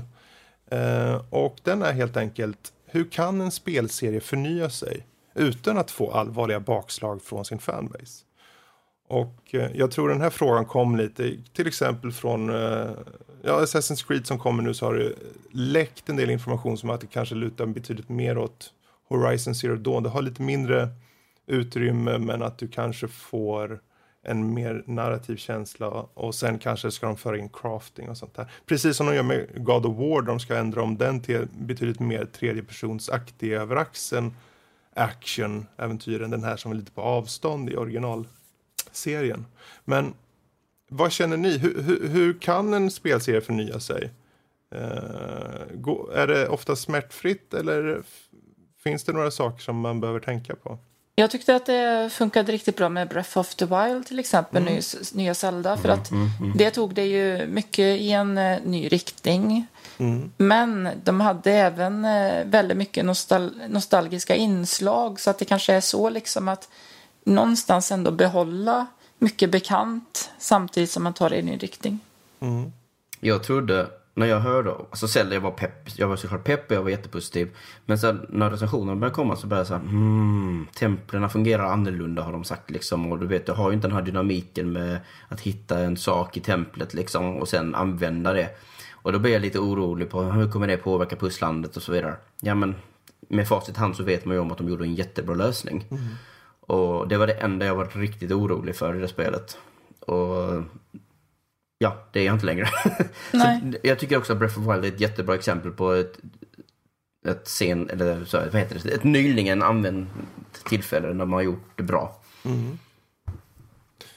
Det är ju frågan, för tänk så här, det, eh, det finns ju många serier som de kommer med, nu ska vi göra om konceptet helt. Jag vill, som tar till exempel, eller göra om, göra om, ta essens, essensen av originalspelet till exempel. Ungefär som de gjorde med Zelda då. Eh, jag tänker på Doom till exempel, de tog i den här nya Doom som kom, så tog de mångt och mycket essensen, alltså det snabba, det blodiga, eh, rakt på sak. No, Metalen. Ja, metal, metal liksom. De tog den essensen och sen förde in i det nya. Men de hade ändå fört in eh, en del av de här nya mekanikerna som finns i dagens spel. Liksom. Och då på det sättet tyckte de behöll både det som var nostalgiskt antar jag för många liksom, i originalet och ändå fick in en ny publik samtidigt. Um, men frågan är vilken väg är det man absolut inte ska gå? Finns det några exempel eller finns det någonting ni känner rent spontant? För min del är det väl, jag är, jag är överlag väldigt liberal när det kommer till sånt här liksom att förnya mm. spel. Uh, så att om du gör ditt spel mm, två, när du tredje gången eventuellt nästan inte gör någon skillnad så börjar jag liksom undra om, om jag har tröttnat. Mm. Och gör du på fjärde så har jag definitivt tröttnat. Så därför tappar liksom alla mig. Så här, Gears of War, God of War och så vidare. Liksom. Och mm. därför behövs det som hände med God of War nu. Precis. Att det ser genuint annorlunda ut. Det är en ny plats och det är... Hela perspektivet är ändrat. Så att upplägg, mm. det verkar det kommer inte kännas på samma sätt. Och det är viktigt tycker jag. Du måste förnya din serie. Du kan inte hålla på med Uncharted tycker jag verkligen om. Men jag, jag kommer nog inte spela ett Uncharted till känner jag om de inte mm. gör någonting allvarligt annorlunda på den här stunden. Nej, det är svårt precis. att veta också på förhand hur fanbasen kommer reagera på det nya spelet. Så mm. jag, jag, känner att de måste ju våga ändå ibland och göra det och säga mm, ja. ah, det funkar, nej det funkar inte och så vet de det sen. Liksom. Mm. Men oftast är ju de väldigt konservativa och fega när det mm. kommer till att ta business eh, decisions. Liksom, att besluta Precis. om vad, vad, kan vi, vad tjänar vi pengar på? Ja, men vi håller oss till mellanmjölk liksom, för det säljer ju alltid oavsett. Mm. Uh, så jag vet inte. Det, det, det där är svårt egentligen. Kan, kan det vara en fråga om att ha eh, tid också? Då tänker jag till exempel um, Final Fantasy 7 nu. Mm. Mm. Eh, där ser vi ju, det var ju 20 år sedan nu som först, eller Final Fantasy 7 kom. Och den, den publiken som finns nu är ju inte kanske, jag menar den publiken de kommer rikta sig mot är ju inte nostalgikerna tror jag. Eh, även om de självklart är med i bilden. Men att det är ju en ny publik och på det, på det sättet så kan de komma undan med att göra om till en helt ny grafik, kanske göra om lite i spelmekanik och lite annat också. Nu, nu tänker, kan nu tänker jag slänga in här, som nostalgiker och Final Fantasy 7 eh, fantast. Uh, så kan jag själv säga att det som jag har hört, där de har pratat om att det ska bli, det ska bli episodiskt och det, det ska, mm. de ska ändra liksom på allt fighting-system och sånt där. Som nostalgiker då är det liksom så här, men jag tyckte om, jag vill inte ha episodiskt, jag vill ha allt nu. Jag, jag, vill inte sitta och vänta i fem månader för Episod 2. Och fighting-system, jag tyckte om det. Visst, det är väldigt old school. Liksom man står på ena sidan och liksom attack, attack, attack. Ja, nu ska de attackera. Eh, men att det här är ju en del utav liksom utvecklingen av, av spelindustrin. Liksom. Och som sagt, den, den fighting-systemet, det är ingen som använder det nästan nu för tiden. Så där får man se liksom att där försöker de ju ta och bryta in den, den nya typen, det är liksom action, mer actionbaserat uh, i liksom, eller aktiv, aktiv battling där. Att du aktivt gör någonting hela tiden, precis som har gjort mm. i Final Fantasy, eh, de senare spelen nu ju. Men att som mig, jag känner så här, uh, jag vill ha det så som det var förr, men att det är ju en sak man får acceptera, att vi kommer inte få allting eh, tillbaka. Jag kan ta samma sak när det gäller Assassin's Creed. Nu vi, de föregående spelen, det har varit en två nya saker per varje spel som vi har fått. Mm. Ett nytt vapen, det är såklart ny storyline, visst bekanta karaktärer som kommer tillbaka liksom bara för att hålla ihop serien. Nu har vi haft ett långt uppehåll vi har absolut ingen aning hur det nya spelet kommer vara, vilket gör att man tänker ah, det kan bomba stenhårt eller kan det vara fantastiskt, men det är liksom jag har ju tron på det, som de har sagt, det ska vara lite mer öppet. Men att de fortfarande kör att det ska vara ett rent single player-spel. Där liksom lugnar ner för mig i alla fall. Eh, mm. För att det här med multiplayer och sånt, eller att de skulle ha öppnat in att det blir att ja, ni kan ha flera stycken, som de gjorde i uh, Unity, att där kan man ju köra liksom något co-op med samma karaktär fast flera gånger om. Jag tänkte att det är nog det värsta de skulle kunna göra med den spelserien, göra liksom ett multiplayer-spel utav hela att du, man gör sina egna som kör i en stor öppen värld. Det skulle nog varit det absolut sämsta de kunde ha gjort. Men att, jag har förhoppningar. Men att eh, när det kommer till spelserier, som, som ni alla andra sagt, att det gäller ju att ha kvar det där som det som känns spelet, alltså essensen av spelet. Men fortfarande, det gäller ju att hela tiden att lägga in något nytt så att det känns nytt och fräscht och inte känns som att ah, ja, det är samma spel igen. Ja, mm. nej men det är så här New Super Mario Bros till exempel. Mm. På, på tio år. Det ser likadant ut och det känns likadant. Men de gör någon liten ändring, eller nya power-ups. Mm. Men det räcker inte. Jag, tappar, jag tappade den serien helt efter ett tag. Och nya Splatoon, Splatoon 2 heter det väl. Mm. Det är just så att okej coolt, det kommer ett nytt spel, men det känns för likt. Jag, jag, jag följer directen och jag ser att det kommer nya saker, helt nytt single player-läge, nya grejer, nya vapen. Men jag vet inte. Jag tror att det beror på att de inte ändrar den visuella stilen nästan ingenting alls. Liksom. Om, om det känns likadant, varför skaffa det nya? Då kan jag lika gärna fortsätta på det gamla. Ju. Ja, även om det innehåller mer saker och så vidare. Men jag har tyckt om det här med att åh, Mario-serien ändrade sitt utseende nästan hela tiden liksom i början och så vidare. Och det är samma sak som Mario Kart. Inget Mario Kart ser ut som det andra Mario Kart för att det har följt med i tiden och så vidare. Hur tekniken går framåt. Men de här två, Splatoon, sitter liksom ihop känns det som. Mm. Och det är lite tråkigt, eh, för det hade varit kul om det hade varit lite mer tydligt eh, nyare. Men samtidigt så behöver Splatoon nå en större målgrupp och det gör de lättast på det här sättet antagligen. För att det är mm. jättemånga som inte har spelat det på Wii U för att, well, because Wii U. Mm. Tyvärr. Ja. Um, sen har du ju exempel på när utvecklaren bara missförstår vad en serie är. Till exempel som Hitman. Hitman Absolution missade ju helt vad fansen ville ha. Och sen går de tillbaks till Hitman 2016 och så gör de ett av de bästa Hitman-spelen som de någonsin gjort. Mm. Så, och det är ju tur att de har tiden att kunna course-correcta liksom. Ja, och ibland uh, känns det ju som, om man tänker, förlåt jag avbryter här men. Nej, ingen fara. Uh, uh, jag tänker att vissa spelserier växer ju upp samtidigt med sin fanbase. Och då menar jag alltså att säga att första spelet kommer och den får en fanbase men sen så utvecklas spelet någorlunda allt efter resans gång till att bli kanske något annat i slutändan. Mm. Men fanbasen har ju följt med då, så de har blivit vana vid det här som kanske är lite längre fram. Ett exempel tänker jag till exempel Call of Duty-serien. Mm. Eh, där du initialt egentligen var det ju ett väldigt storytungt. De första var ju cinematiska liksom filmiska äventyr då liksom eh, på sätt och vis där du faktiskt fick känna hur det var i strid och så. För att pratar du om Modern Warfare eller pratar du om ja, ännu tidigare? Absolut, ännu tidigare. Mm -mm. Eh, andra världskriget-spelen då. Eh, särskilt typ ettan och trean. Eh, men sen allt eftersom så har de ju ändrat fokuset till att det blir betydligt mer multiplayer-inriktat då. Mm. Vilket har egentligen tagit över för det är, det är klart det är det som har sålt. Fast och... de brukar ju visa liksom deras berättelse som en slags kronjuvel. Jo, jo. För de det... har ju alltid ett storyläge hela tiden. Det är det som är så intressant här för att de har under Modern Warfare-serien och sen Ghost där, de hade ett jättestort fokus på multiplayern. Även om alltid så var ju eh, singeldelen i bakgrunden där. Men nu så känns det som att det har börjat går runt på något sätt. Som att det kommer tillbaka till att rikta in sig på, på storyn desto mer i de senare delarna. Och det jag har märkt, för jag, jag har ju kollat runt lite på just vad reaktionerna har varit och så. Och det är många som, ja men jag kör ju bara, jag kör ju bara kod för det är ju multi. Det vet väl alla att jag kör det för multi. Medan de äldre säger, men det här, nu går de tillbaka till det de gjorde från början. Och sen kommer det nya spelare som säger, vad kul, vilken upplevelse det blir. Och det har multiplayer. Så det är så kul att se just hur utvecklingen för en fanbase faktiskt kan ändras under resans gång också. Mm. Eh, med en serie på något sätt. Ja, jag, jag har ett bra exempel på en spelserie som har i mitt personliga tycke gick från bra till med till superbt nu på sista tiden och det är Resident mm. Evil. Um, ja, just det. Mm. För att de första två spelen var ju uh, statiska kameravinklar. Uh, väldigt mycket söka, leta, uh, mycket gåtor och sånt som man skulle lösa, hitta saker för att kunna låsa upp grejer.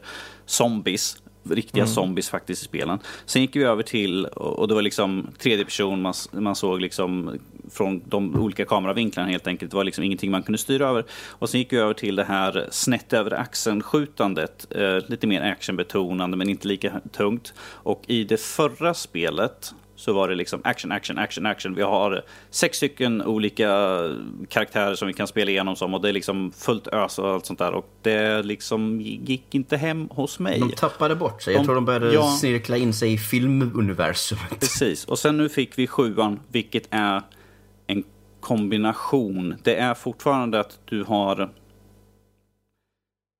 lite mer, lite mer action än vad de första spelen hade. Fast fortfarande, de har gått tillbaka till skräckelementen. Det är den här krypande mm. känslan att vad finns runt hörnet? Kommer någon av Baker-familjen att komma och spöa skiten nu med här? Men samtidigt också det här att springa omkring och leta efter saker för att kunna ta det vidare i spelet. Det, det måste liksom för att ta det vidare i spelet. Du måste leta, inte bara det här, jag skjuter allt som rör på mig och så kommer jag klara mig. För det är det de senaste spelen gjorde. Det var ingenting så här, liksom, det var ingen tanke nu att skjut, skjut, skjut, skjut, skjut. Vilket jag tycker att de här gjorde nu gick tillbaka till väldigt mycket av det som gjorde de första spelen suveräna. Uh, skräckelementen, letandet och sånt. Men samtidigt fick vi lite grann att vi har fortfarande actionbitarna. Det är väldigt mycket, väldigt mycket action i, i specifika tillfällen som då man faktiskt får gå lös och skjuta lite grann på någonting som inte stannar upp i första tag. Vilket jag tycker är skönt. Och det här tyckte jag liksom gjorde att, den nya, att spelserien har liksom gått tillbaka till en bra sak igen. Till, istället för en Nej, vad ska jag spela? Jag kan väl spela Resident Evil länge. Mm. Till liksom, jag ska spela Resident Evil, åh vad coolt. Uh, så jag hoppas i den här spelserien då att de fortsätter i samma spår och inte liksom förvirrar bort sig igen och på någonting de tror att ja, men det var här de tyckte om. De tyckte om actiondelen och så tar de bort allting det här som att smyga och Har liksom... vi någon uh, generell liksom, koll på responsen från, för jag antar att det finns många så här riktiga Uber-fans. Resident ja. Evil 7 har fått en väldigt bra respons. Jag har sett att liksom, har fått väldigt bra betyg överlag eh, mm. i spelmedia. Eh, och väldigt många tar också och eh, berömmer det för att det har gått tillbaka ganska mycket. Och liksom att det för väldigt många, precis som jag, säger att liksom förra spelet var inte en hit. Det var för mycket. Det, det blev som en stor pöl med saker de ville få ut i spelet. Jag känner liksom att Resident Evil, för hårddra det riktigt ordentligt så är det precis som du säger att du har de fyra första spelen upp till Code Veronica. Mm. De kör med tank controls och allt det här liksom. Och sen när de bytte kameraperspektivet och det blev lite mer över axelperspektivet och Resident Evil 4 kändes genuint annorlunda. Mm. Då blev hypen stor och alla blev intresserade och det var sjukt bra och många anser att det är ett av de bästa spelen någonsin. Och sen nu då till sjuan, så återigen hypen väldigt hög bara för att de förnyade sig. De genuint mm. vågade att förnya sig. Och varje gång som Capcom vågar förnya Resident Evil så tycker jag att de lyckas. Och det är samma sak varför jag blev jättepepp på uh, Silent Hills, som vi tyvärr ja, inte får se. Mm. Jag, jag älskade PT. Det är mm. liksom mitt bästa spel 2014. det är inte ens ett riktigt spel. Men jag älskar det så mycket. Och jag var så pepp, för jag, jag är inget fan av uh, Silent Hill mer än på vissa konceptuella plan och så vidare. Mm. För att det är väldigt, för mig det är väldigt mycket gå och slå på saker på, med dålig kontroll och dra i dörrar som inte vill öppna sig. Mm. Det är ett jävligt rote game, eh, speldesign till och från. Men Peter bara, jag bara lyste upp liksom. Oh my god, är detta framtiden? Och, och Kojima och Del Toro, oh my god. Jag är så pepp. Och sen tyvärr så föll allting ihop ja. i, i misär liksom. Men det är ett exempel när, som sagt, jag är väldigt öppen för förnyelse. För jag vet om att jag kommer fortsätta att spela och tuffa på och då vill jag se förnyelse. Mm. Um, och det betyder inte att det inte kan vara att det inte kan vara bra längre. Och det beror på vad du som spelare vill ha dessutom. För att vissa är mer alltså, konservativa och bara vill ha eh, mer slipad upplevelse. Medan, eh, och du vet, comfort food. Mm. Medan vi, vissa andra bara till slut tröttnar jättemycket. Men det finns de som spelar CS fortfarande. Precis, det måste det, finnas en anledning för det. Jag tänkte precis ta upp det, att vi har ju väl, alltså de flesta spelserier, då med ordet spelserier, är liksom flera spel. Medan vi har CS som är fortfarande första spelet egentligen. Eh, mm. Eller CSGO i alla fall. Ja, där, de ba, där de bara har fortsatt att eh, liksom finslipa, finslipa, finslipa på spelet under alla dessa år. Och har fortfarande en jättestor fanbase och folk som spelar aktivt. Mm. Ja, nej, det finns ju vissa som vägrar släppa Smash Bros Melee till exempel. Mm. Melee. För det är det bästa och då vill de hålla sig till det. Men så är de ju tävlingsmänniskor. Så det är också det. Mycket av de här tävlingsspelen mm. har... Det finns en anledning varför det är just de spelen såklart som folk håller sig kvar i. Mm. Ja, ja. Det här är ju en jätteintressant diskussion. Jag tror vi rundar av där. Men med de orden säger vi så här att är det så att ni där ute gärna vill komma med era tankar om den här diskussionen. Mejla då för all del in på info.nordlivpodcast.se. Eh, bra. Men vi hoppar vidare och så går vi faktiskt till övriga nördämnen där vi börjar med en film som heter Get Out som ett par av oss har sett. Um, Jag förväntade mig att någon skulle hoppa in och göra Arnold på dräkten. Så, men att, Get vi, vi down. hade, ja, där kom det. Bara för Get to the chopper! Get to the nu ska Men vi, det gör man inte i den filmen. det gör Eh, man nej. icke. Nope. Um, Danny, du har sett den eller? Yes. Yes. Vad är premissen? Eh, premissen för Get Out är att vi har ett, ett ungt par. eh, en vit tjej och en afroamerikansk kille. De ska åka och träffa hennes föräldrar för första gången. Och eh, vi har, nu ska jag ta och kolla upp exakt vad han är. Chris heter han, eh, karaktären då. Eh, är orolig för att hur hennes familj ska ta och träffa honom för att han är svart.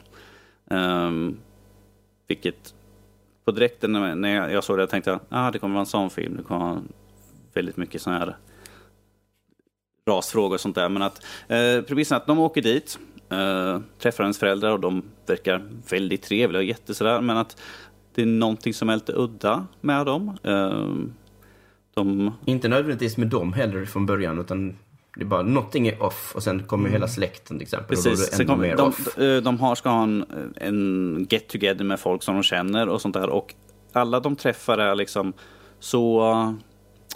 Hur tycker du att uh, som en svart man du, att du känner att du... du hur, vad är dina fördelar som svart man i dagens Amerika och sånt där? Och, och det är folk som liksom börjar klämma på honom och känner så här, oh, är, är det bättre? Eller liksom man bara, eh, De är Nya verkligen så är- överdrivet är det vänliga. Ja, Ja, eller, precis. det, eller en kul sån här, liksom, någon som börjar prata med honom. Han bara, ja men jag golf, du vet tigern, ja, jättebra. Det är liksom allting har med...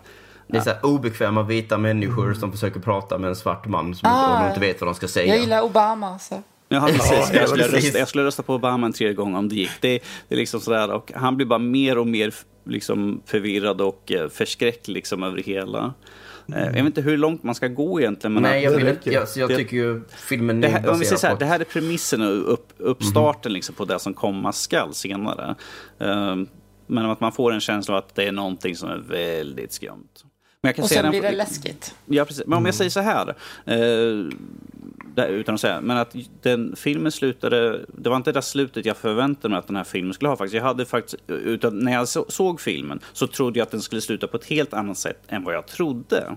Precis, i slutet. Yes. Ja, ja, jag vet vad du tänker Det på. finns ja. ett alternativt slut faktiskt. Och Ja. det har jag sett Jaha. och det är otroligt mycket sämre. Ja. Okej. Man satt ju verkligen, nu är det det här som händer. Bara, nej, vad bra. Men ja, nej vi, vi kan ju inte säga det liksom. Det är Nej. alldeles för tidigt. Vi, alltså se, jag gillar den här filmen. Gillar ni filmen till att börja med? Mm. Jag tyckte, jag tyckte mycket om den. Eh, Jag har bara en peppid med, alltså det är en jättebra film. Den är jättesnyggt filmad. Jag tycker skådespeleriet är jättebra och jag tycker det är väldigt intressant att vi har eh, eh, Jordan Peele som jag känner mer som en, en komedi. Alltså han gör komedi och göra Han är en en komiker. så. komiker, precis, och göra en, en jag skulle kalla en thrillerskräck, inte för mycket så skräck egentligen, jag. Rysare.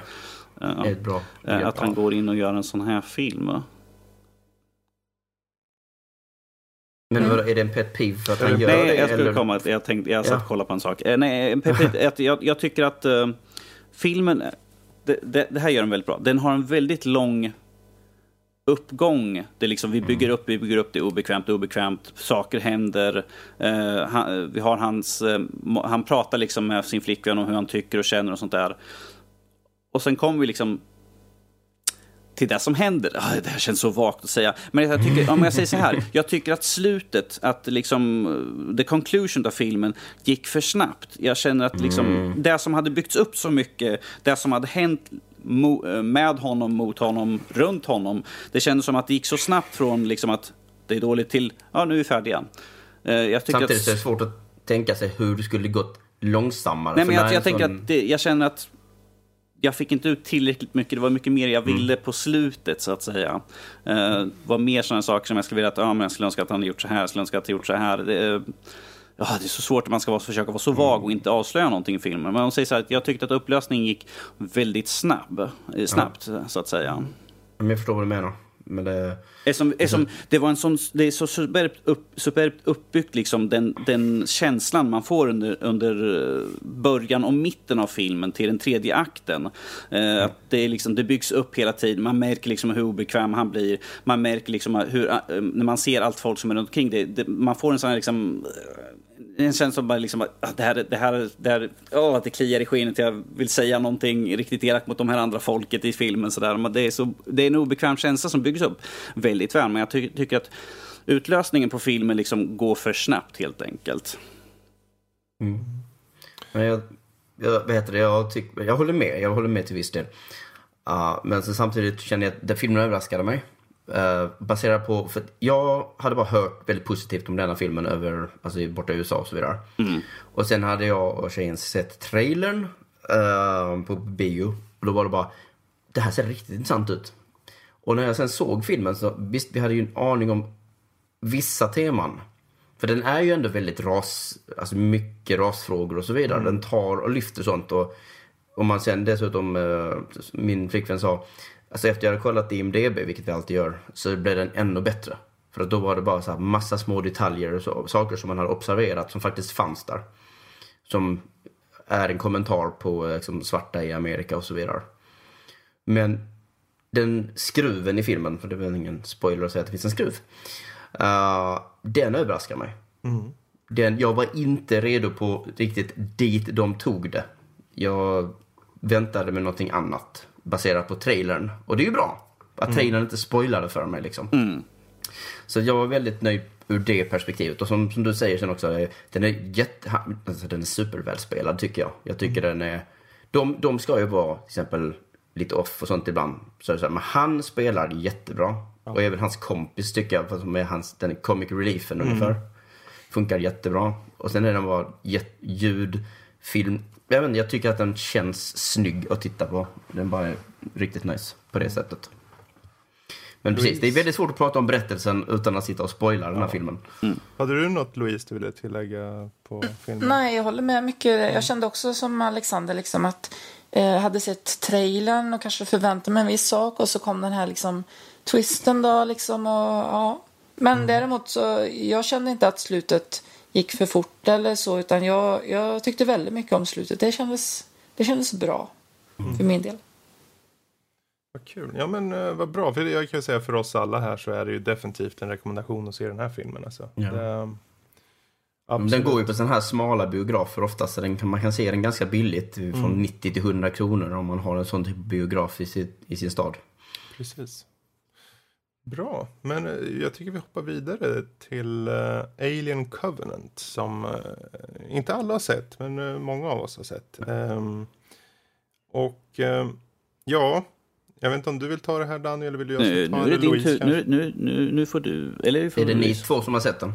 Jag har sett Nej, Louise har också Alla har sett det utom jag, men då sätter jag bara en facehugger i ansiktet och ja, är då, då säger jag, mitt, jag säger mitt standardsvar att du behöver inte se den, alla dör. Liksom. Det är det jag säger om alla filmer så att säga. Ja.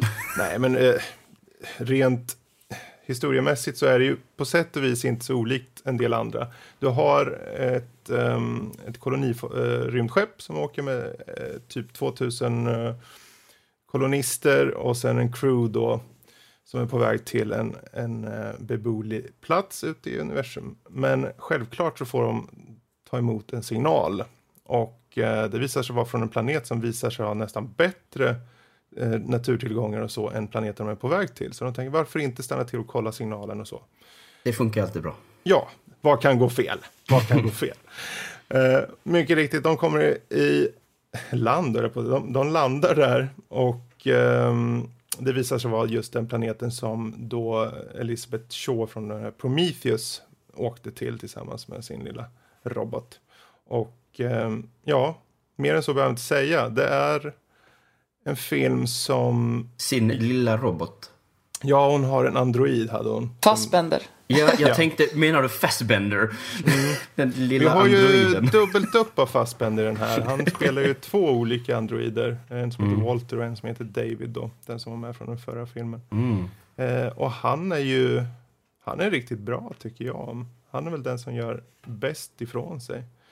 Um, jag, jag, kan redan hoppa in på vad jag tycker och tänker när jag ändå håller på och bubblar. Så det, jag tycker det, den rent visuellt är, är den väldigt fin. Den, är det något Ridley Scott kan så är det att göra väldigt fina filmer vad gäller cinematografin då, eller vad man nu säger.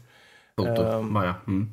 Men däremot så känns det som han har lite problem med vad han faktiskt vill göra. Vill han göra en fortsättning Prometheus med de här stora existentiella frågorna? Eller vill han göra en krypande skräckfilm med en alien? Ehm, han försöker både och och det känns som att han inte riktigt...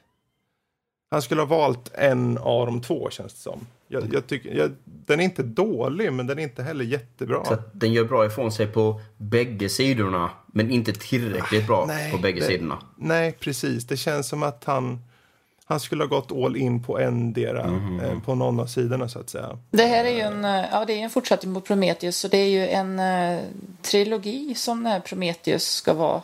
Som tar upp första ursprunget.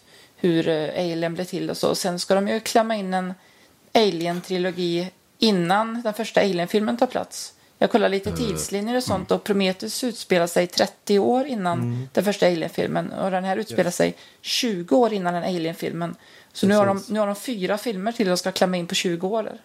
Dessutom den nästkommande filmen som ska heta Alien Awakenings ska utspela sig mellan Prometheus och Covenant.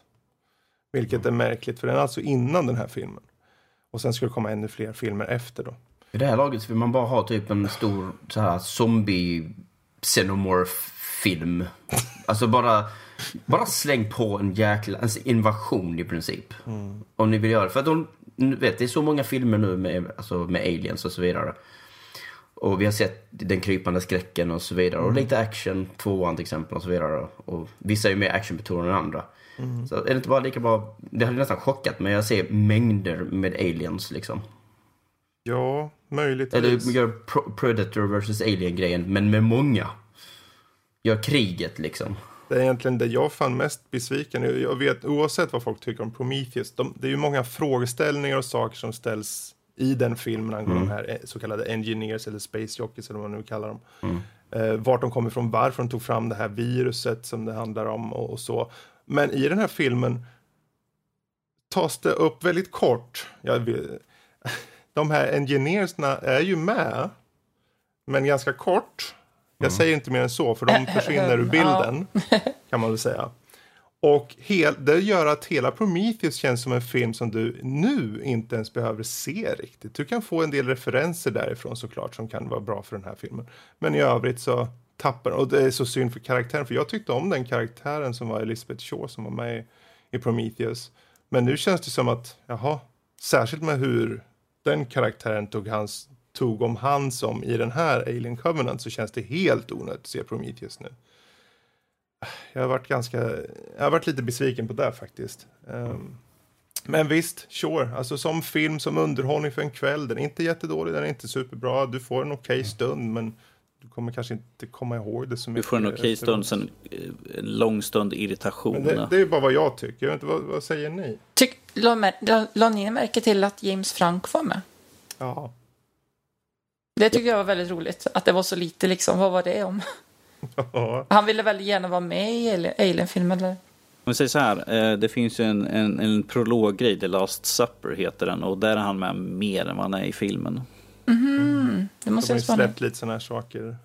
Vilket är intressant för att de, de, jag, jag pratade med Fredrik om det här igår och han hade inte sett dem. Och jag hade ju en helt annan syn på, alltså de här prolog, prologgrejerna som de har, det finns två stycken, och de gav mig en helt annan syn och tro hur filmen skulle vara. Eh, det, var in, det var ingenting, vi landade på en planet, utan som den verkade så var det liksom allting utspelade sig på skeppet de är på. Eh, så då, tänkte jag, ja ah, men coolt, det blir som Alien, liksom det, i korridoren, vi kommer springa, det är den här tryckande känslan, liksom, vi, vi kommer inte undan, det är någonting som är efter oss. Det var absolut ingenting, ingenting. Så, fast jag har för mig också att de har sagt att liksom, det här har ingenting med hur filmen kommer vara. Efteråt har jag sett. Men eh, om jag tar lite grann på mina tankar på filmen.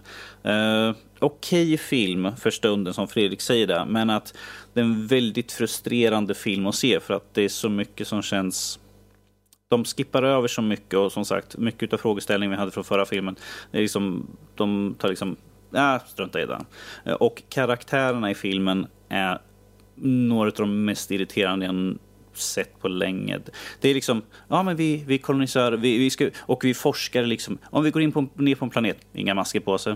Ja, vi följer protokoll. Ja, ni sticker åt det här hållet. Okej, vi struttar i protokollet. Vi lämnar ingen kvar som vakt eller något sånt där. Det är liksom willy-nilly, vi springer omkring, slickar på allting och liksom hoppas på det bästa känns det lite grann som. Det är små, de på ja, men allt? det är som små barn liksom. Åh, vad är det här för någonting? Mm, Går det här att äta? Mm, Det är inte farligt för oss eller något sånt där. Det är liksom, de då- struntar i allt som har med reglement att göra liksom och följer Precis. någon som helst. Det är liksom, åh, Det är som vad är det här poliser för som frukt på en främmande knark. planet? Mm, skadligt. Datorn, datorn skriker, det här är inte säkert. Det skiter jag i, säger Ja, precis. Mute, jag hör inte det. det är, om vi säger så här. Jag tror efter halva filmen när jag satt och kollade med brorsan, så, så satt jag så här, jag hoppas alla i den här filmen dör. För jag, skulle, jag vill inte se att någon klarar sig, för de är så jävla dumma i huvudet. Men det är också det, är ju också det tråkiga med filmen i och med att Alien Covenant, Covenant är ju innan Alien. Och i och med att det är den första liksom... Det, I och med att vi inte har hört något i det universumet om det här. Ja. Så vet man att de lär ju inte kanske ha klarat sig. Eller? Nej. Mm. Nej, men alltså som sagt, Så, det...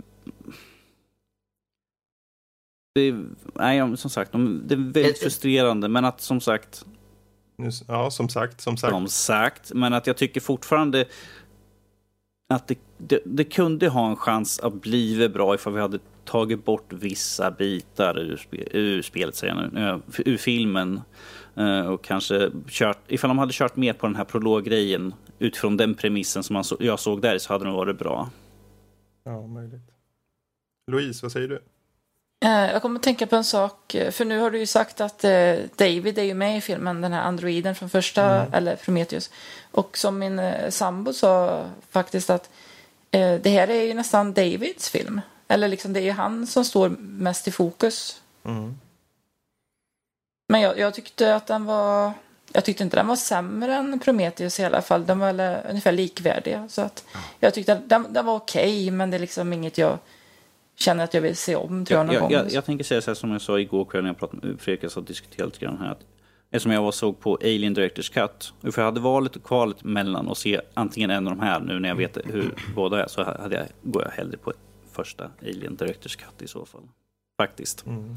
Alltså det, som sagt, det är en helt okej film. Det är liksom en underhållande film om du har liksom tid över. Gå och se den. Men att Den det, tillför ju lite på låren såklart med tanke på hur den slutar så att man får reda på hur en viss sak. Ja, men, men samtidigt förtar den, för min del så förtar den lite grann också på saker som jag inte hade velat skulle liksom utforskas mer. Får jag ställa en fråga då? Jag misstänker redan svaret. Men det är... Okej, jag har inte sett den här filmen. Yes. Är detta värt att gå och betala 130 kronor för att se på bio? Eller för en som inte känner att jag måste se den nya Alien-filmen kan jag lika bra vänta ett halvår tills det kommer på Blu-ray och köpa eller eventuellt bara hyra den för liksom 30-50 spänn? V- vad ska jag göra? Är den värd att se Alltså på om, bio? om vi säger så eller- här. eh, gå och se den på bio. För som sagt, som Fredrik sa och jag håller med att visuellt är den liksom fantastisk. Det finns inget fel i den biten. Det är som sagt själv, lite grann med storylinen som jag, jag personligen har väldigt mycket problem med. Men att om du vill se en visuellt fantastiskt snyggt filmad film. Så, Är den och- 3D? Nej, inte i 3D. Nej. Eh, och eh, musik och så, jättebra sånt. Så för det så är det kl- helt klart värt besök på bio. Jag ångrar inte att jag gick på filmen, men att den gav en dålig smak i munnen för mig så att säga efteråt. Eh, för att det var så mycket som fattades för att det skulle liksom leva upp till mina förhoppningar och mina, vad jag vill se i Alien-franchisen helt enkelt. Det var en sak jag störde mig på, fast det stör jag mig på i många rymdfilmer generellt. Det är att så fort det är ett rymdskepp i, djupt inne i den svarta rymden så är det typ alltid upplyst från alla håll och kanter fast det inte finns någon sol i närheten. Det tycker jag är väldigt konstigt. Missar du att de har ju såna här grejer som flyger runt, såna här lampor som flyger runt, är typ eh, ett par eh, väldigt utanför, så lyser upp för att vi ser, vi, vi, det kanske inte spelar någon roll, men att vi ser fantastiska ut. När annan Alien ser oss så ser de grej. upplysta. Vi är. Ja, en annan här klassisk grej, det tänkte jag inte på när det var just den här filmen, men det är att de eh, i sina hjälmar har liksom lamporna som lyser mot ansiktet. Så här. Det, det skulle inte funka bra i verkligheten. Nej, det är sant. Vad är, det, vad är det för något som är där borta? Jag ser inte, jag har Åh. lampa i ansiktet. Precis. Vet du vad? Jag, jag, vi har nog ganska liknande åsikter här. Så, eh, det, det hamnar någonstans i mitten känns det som. Ehm, så, men eh, visuellt, ja, den är bra, bra på den punkten. Men uh, historiemässigt kanske inte lika. Eh, ni får avgöra själva om ni vill se Som helt sagt. enkelt där ute. Som att nu har han 14 månader på sig att bestämma vad fan han ska göra med sista. För om 14 månader så spelar, börjar de spela in eh, Awakening och han har, då har han lite tid att få respons på vad vi eh, tycker om filmen och sen får de väl avgöra vad fan de ska göra med det. Precis. Laddar hem alla YouTube-klipp och podcast och översätter alltihop. Precis. Jag tar reda på folks Han bara, feedback. those nerd leave, they're quite right. Men från en sak till en helt annan. Nord Game 2017, Ja. Alexander. Ja, där kommer jag ifrån ganska Ja. nyligen. Det slutade igår, vilket är fredag. om vi ska... Jag vet, när läggs det här upp? Det här Söndag. kommer upp söndag 21. Så pass? Ja, ja. Men då, precis, det pågick då från onsdag till fredag. Och är tre dagar med... Det är i princip GDC, alltså Game Developers Conference, i Norden. Eh, och, så det är en massa föreläsningar och man lyssnar på olika spelutvecklare om speldesign och berättande i spel och shaders och AI och gud vet vad. Det är jättemycket olika grejer. Allt från eh, lekmanssaker till super high-tech avancerade saker, vilket jag inte kan gå på. Uh, ehm, kan, men inte vill. Uh, det var ganska intressant att det, upp, det var dock jäkligt coolt egentligen att öppningstalet, eller öppningskeynoten, var Playdead. Eh, som faktiskt var väldigt tekniskt eh, överlag. Jag hängde med typ ända fram tills de började prata om shaders. Uh, men ja, nej, som sagt, Nordic Game. En gång per år nere i Malmö. Uh, det är jättekul för mig som sagt som bor i U, alltså så här, Malmö är u-landet för en spelkritiker. Man ska vara i Stockholm eh, om man vill vara en del av den communityn och vara på events och grejer. Så att när det här händer en gång per år så är jag bara superglad. För då kommer massa människor ner som jag känner och som jag inte träffar ofta. Och man får träffa spelutvecklare och allt möjligt. Har du en highlight som du skulle kunna berätta? Någon, för highlights, highlights. Alltså som sagt, talen vet jag inte om det var sådana som jag verkligen bara wow. Liksom Playdead-grejen var rätt häftig. Den var väldigt spoileraktig för det handlar om slutet av spelet och hur de hade byggt den där saken i slutet. Eh, Thomas Grip var där. Han pratade om hur man gör bättre eh, historier i spel. Thomas Grip eh, är... Eh, han är väl VD rakt av, men så här creation, eh, director för eh, Amnesia och Soma. Så att eh, han hade massa tankar om han verkligen dissekerade hur, vi, hur man kan göra berättelser i spel bättre och dissekerade liksom på nivå på våra hjärnor. Liksom, att hur kan vi utnyttja hur våra hjärnor uppfattar saker? Och varför uppfattar vi saker som vi gör? För, att, jo, för poängen var lite att vi sätter in oss själva i spelet, i grund och botten. Eh, Och det är därför det är så effektivt. Framförallt ur, eh, ur ett skräckperspektiv, men även ur andra. Eh, Det var, han det var helt klart så här, den mest karismatiska eh, föreläsningen av alla, för att han är en väldigt bra talare. Eh, Team 17 hade någon där som pratade om hur de gick från spelutvecklare till liksom eh, game label. För du vet, de ger ju ut jättemycket spel och sånt nu liksom, men som de inte själva gör själv. Team 17 Men de- som gjorde Worms? Exakt. Mm. Ehm, så att de har ju blivit en väldigt framgångsrik utgivare, i princip miniutgivare som assisterar mindre studios och indies och så vidare liksom, med, med, med, vad heter det? med teams och så vidare. Eller vad de nu behöver. Coolt. Så det var rätt häftigt. Eh, sen var ju Fumito Ueda där, alltså mannen bakom, eller visionären kan vi väl kalla det, liksom så här, bakom Ico, Shadow of the Colossus och The Lost Guardian. Mm. Blev intervjuad av David Polfelt som är eh, VD på Massive Entertainment. Ah, Eh, okej. Men det var... Alltså grejen är ju att Fumito Ueda har ju varit så probad i så många år. Så att man har hört mycket och jag har hört han föreläsa rakt av för typ nio år sedan. Um, och så är det lite hackig, uh, hackig engelska på tolken och så blir det sådär. Och så var han där typiskt uh, japanskt ödmjuk. Inga raka svar på vad tycker du om för film? Ja men eh, liksom inget rakt liksom Gudfadern. Utan nej. Ingenting sånt. Eller vad tycker du om för musik? Och jag lyssnar så här på då fantasymusik och sånt för att jag ska komma in i den världen och så här. Men jag är inte så mycket fantasymänniska men jag lyssnar på den för att, du vet, ingrain myself liksom. Så här, inget rakt svar förutom när han sa favoritspel och jag visste vad han skulle säga för jag visste det. Och det är att hans favoritspel genom tiderna är Another World. Men han sa också att han spelar nya spel för att hålla sig uppdaterad och veta vad som händer. Men han vill inte säga någonting liksom. Han fick dock inte rakt frågan, vilket har spelat sist till exempel. Men, så det var lite, jag fick inte någonting ut av det riktigt. Uh, däremot fick jag ju träffa honom privat lite och, och prata och sådär. Och det var ju såklart jättetrevligt. För han är ju en- one of the big ones för mig.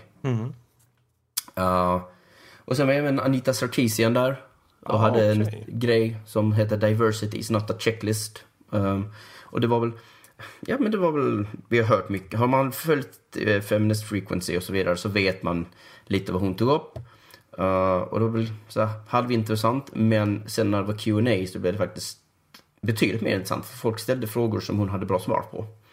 Men jag har inget, det finns mycket på gameindustry.biz och sådana saker. Det var ju rakt av en snubbe som trodde att han kunde liksom trycka henne mot väggen om allt från patrikatets existens till, eh, vad var det mer? Eh, ja, men om att, du vet, män är också eh, felbehandlade i spel för att de har bara överkropp. Och helt bortser från male power fantasies och så vidare. Men han blev utskrattad ur rummet. Inte ut, han, han gick inte ut, men han blev väldigt utskrattad. Men hon tog det jätteprofessionellt och svarade. För jag förstår att du ställer en seriös fråga till mig och jag kommer svara seriöst. Och det citatet finns på gameindustry.biz bland annat om man är intresserad av det. Kul. Men Så jag det var- just, det var vad som här, hände. Ja. Lite är det här något evenemang som är öppet för alla så att säga? Eller är det just Nej, för det, media? det, det är GDC som sagt. Så det är spelutvecklare, om du, är, um, om du går på så här uh, skolor så kommer man oftast dit. Uh, uh, och sen press och media kan också komma dit. Um, men det är lite blandat. Men du ska definitivt vara en del av branschen på någon front. Det är ingen öppen grej. Och du är inte, alltså, som sagt, det är bara föreläsningar i, i princip. Och sen har du även framförallt fredagen som var Discovery Day då man där vi fick spana in massa så indieutvecklare och grejer. Och det är väl det jag försöker, kan tänka eh, tala lite mer om. Eh, för jag såg en del riktigt coola grejer. Och ehm, då, det häftigaste egentligen är att jag såg en trend inom VR. Och det är att man börjar se många utvecklare nu göra asymmetriskt VR-spelande. Okej. Så för att VR är i grund och botten en väldigt så här, solitär upplevelse, eller hur? Du är liksom lite i, i din egen värld, du har hörlurar och så vidare. Eventuellt sitter du hemma själv och så spelar du någonting. Eh, sen kan man ju ha turen att vara i, typ på en plats i vår förening eller något sånt och kanske se någon spela Space Pirate Trainer. Och det är ju kul, men du vet, det är kul att se någon göra det, men man är inte delaktig. Så nu är det många som börjar göra så att någon kan spela på datorn. Eller med companion apps i mobiler och sådana här grejer. Och det är, ganska tufft tycker jag. Eh, till exempel så har vi något som heter Nemesis Perspective. Som är där upp till tre spelare kan eh, spela du vet, din vanliga hjälte liksom i ett spel. Hoppa, slåss och så vidare. Och du i VR-världen är bossen. Så du är jättelik och viftar med armarna och plockar fram vapen och sådana här saker för att förhindra dem att döda dig. Då du ska döda dem. Man kan ta, ta tag i dem och bara kasta dem och sånt. Ehm, jag gillade det tredje spelet på det som var i princip att det var mer som att man hade sådana här Dragon Quest slimes nästan runt om sig som gömde sig bakom pelare och sånt och så ville de komma närmare och närmare fram till en. Och så hade jag eldbollar, ismagi som man lobbade och typ svärd om jag kom för nära. Och det tyckte jag var riktigt kul för det var väldigt så här Space Pirate Trainer. Om ni, vet ni vad det är för någonting? Nej. Det är, det är en, man, man skjuter men man kan liksom, du vet, vibe-kontrollerna, man kan liksom dual-wielda och skjuta i olika riktningar. Och sen kan man plocka fram sköldar och sådana här saker. Det, det är ett väldigt bra, man står på samma plats och bara skjuter droider som angriper den. Det är en av mina favoriter på, inom VR i alla fall. Eh, Så det här var en kul spin på det. Men sen har du, eh, vad heter de? Tarsier. De har ju precis släppt Little Nightmares. Har ni koll på att de har släppt ett spel till? Nej. som heter Static, som är ett VR-spel. Som kommer på Playstation VR också. Och det är riktigt, det är ett pusselspel uh, i så här vet, steril, vet, eh, vad heter det, labbmiljö, lite portalisht om man säger så. Men det enda du gör är att du sitter i en stol och du sitter med händerna i en stor metalllåda. Vilket är skitsmart av dem, för då tar de bort den här disconnecten med att man inte har händerna fria, utan du har ju händerna på en kontroll. Så att i den världen så ser det bara ut som att dina händer stoppas in i, i två tuber som går rätt in i en metalllåda. Och sen, har ni spelat Keep Talking and Nobody Explodes? Ett, eh, jag tänker bara, för jag, jag har kört några VR-spel, men det är... Det är inte nödvändigtvis VR. Eh, Du kan, det. köra, Nej, du kan köra utan VR. Det här. Det är liksom, du är en sån här, du ska vad heter det? Man, ska, man har en bomb Man framför sig. desarmerar en bomb. bomb, precis. Man är Ah, två, man är två Nej, spelare. kört en sitter och löser koder och sånt där, så ska den andra försöka. Ja, det där? Ja, Okej. precis. Nej, Precis. kört. Ja, så att föreställ eh, den typen av eh, enhet som man har händerna i. Att varje sida på den här lådan har olika saker. Mm, okej. Eh, och um, så finns det olika pussel. Men det man gör är att man sitter fast i den här lådan och så varje knapp på kontrollen gör olika saker. På olika sidor och allt möjligt. Och så använder man miljön runt om sig i labbet, alltså i den här, det här köket, så det nästan ut som jag satt i. För att få ledtrådar på vad man ska göra. Till exempel att oj, efter en stund så insåg man att oj, vänta, här finns ju ett par muggar på bordet här vid, vid utvärderaren som har en färgkod som jag kan skapa på ena sidan av min låda. Och så vrider man det och det funkar ju som sagt väldigt bra i VR för att man tittar framåt och så vrider man händerna och kan titta. Det är det här tempot som man får i VR-världen liksom. Som man drar nytta av. Eh, Och jag gjorde detta själv. Men de sa att det fanns en companion app som gör då att man får den här känslan av att de andra ute i, utanför VR-världen kan liksom precis istället ge dig ledtrådar eller säga vad du ska göra medan du beskriver vad du ser. Ja, coolt. Ja, så jag är väldigt pepp på att testa det med min förening. Ehm, sen har vi som säga, två till ska jag hinna med. Carly and the Reaper Man, väldigt enkelt egentligen ett 3D-plattformsspel. Det vet vi hur det ser ut, right? Uh, där man spelar Carly, som är en liten, liten manga-tjej. Kan hoppa, eh, det är inte så mycket mer än så. Eh, och The Reaper Man är du i VR. Och det är, du är två händer. Så det är Vive igen, eller uh, Oculus Rift, sådana här touch controller. Och perspektivet som hon har är precis som du tänker dig hur det ser ut i 3D, 3D-plattformsspel med Mario eller någonting sånt. Medan du, som Reaperman, är mer som att tänk dig att du har hela banan som hon springer på uppe på ett osynligt bord. Som en modell. Och du är gigantisk. Och sen kan du dra runt med bordet och höja och sänka det. Okej. Och, och så plockar du bl- block eller plattformar och ställer upp det i henne. Att nu, spring upp för det här. Så kommer du upp och sen har du olika block, olika, eh, olika funktioner. Som att det här blocket svävar i luften. Eller, och då kan du lägga det först och sen kan du lägga till exempel ett avlångt bräda för att den, balansera på den. Och så kan du hoppa upp på det och springa och så vidare. Och det är grundprincipen. Och jag var inte, det såg väldigt ordinärt och vanligt ut och hoppfysiken är inte perfekt. Det, det var alfa. Ehm, kändes inte jättekul. Det var inte så superkul att spela henne. Men att spela Reaperman var riktigt roligt. Och en härlig känsla på det. Eh, hon har också en laserpekare som gör så att hon kan hjälpa dig att Jo men jag ser den här saken men jag ser inte det för jag har det kanske bakom ryggen. Så då pekar hon en laserpekare och så kan jag vända mig om och se. Ja, oh, det var det här du ville att jag skulle titta på. Och sen kommunicerar man ju verbalt också. Det känns som att många koncept tagits fram, eller har tagits fram som man kan ta del av där på just Nordic Gaming. Mm. Är det så rent generellt? Vad, vad sa du? En gång till? Jag tänker just att, eh, jag tänker på alla de här föreläsningarna och sånt, är det att man kan tyda ut lite var, var kanske industrin är på väg vad gäller just spel och, och Det är sånt inte också. alls omöjligt om man säger så. Och Mycket av de här spelen som vi ser på Nordic Game dyker sen upp också. Som Fury, Swapper. eh, ja, alltså jag har ju känt till Little Nightmares i tre år. Sen det hette Hunger. Sen det blev liksom, fick Grant på Nordic Game. Så det är ju definitivt liksom sånt som händer. Ehm, och det sista och min absoluta favorit heter v, VR The Diner Duo. Och det är typ, ni vet, känner ni till Cook Serve Delicious? Ja, den har jag. Mm. Det är ett tangentbord, eller hur? Man lagar Ja. hamburgare och grejer med tangentbord. Precis. Och sen kombinerar du det med Diner Dash. Där du ska leverera mat. Ja, just det. Ja, Och sen stoppar du in Job Simulator på det hela också. okej. Så att du, du är i en robotvärld dessutom, vilket gör så att det blir lite charmigt och inte behöver se så realistiskt ut. Uh, så att du, du, du ska till eh, en spelar på datorn och är den som gör Diner Dash-biten och tar emot beställningar. Och de, det bara blir en bild liksom, en dubbel hamburgare, en dubbel cheeseburgare till exempel. Och ett nummer, en trea. Så att, och sen kan de kommunicera till mig, ja, en trea, eller två treor, en två treor och en fyra, eller en dubbel cheese, hur man nu väljer att kommunicera. Mm.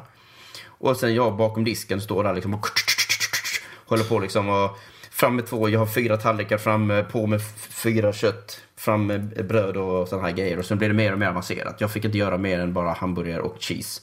Men sen ska det komma ketchup och massa andra saker. Man ska hacka grejer och sånt. Jag, jag tycker om jag tycker om att laga mat som sagt. Eh, Jag tittar på Masterchef Australia årligen. Eh, Jag gillar Overcooked, jag gillar Cook Serve Delicious och såna här grejer. Och att göra den här grejen. Jag tyckte faktiskt det var riktigt roligt att vara, bara vara den som även levererade maten.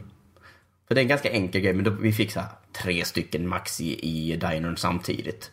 Och då eh, som servitör så hämtade även dryck, drycka till exempel. Och sådana här grejer. Eh, medan såklart inne i VR så var det absolut roligast. Men, för då var tempot, när man, när man väl fick upp en strategi och kunde liksom, nu ska jag vara förberedd. Och så kommer beställningen, okej.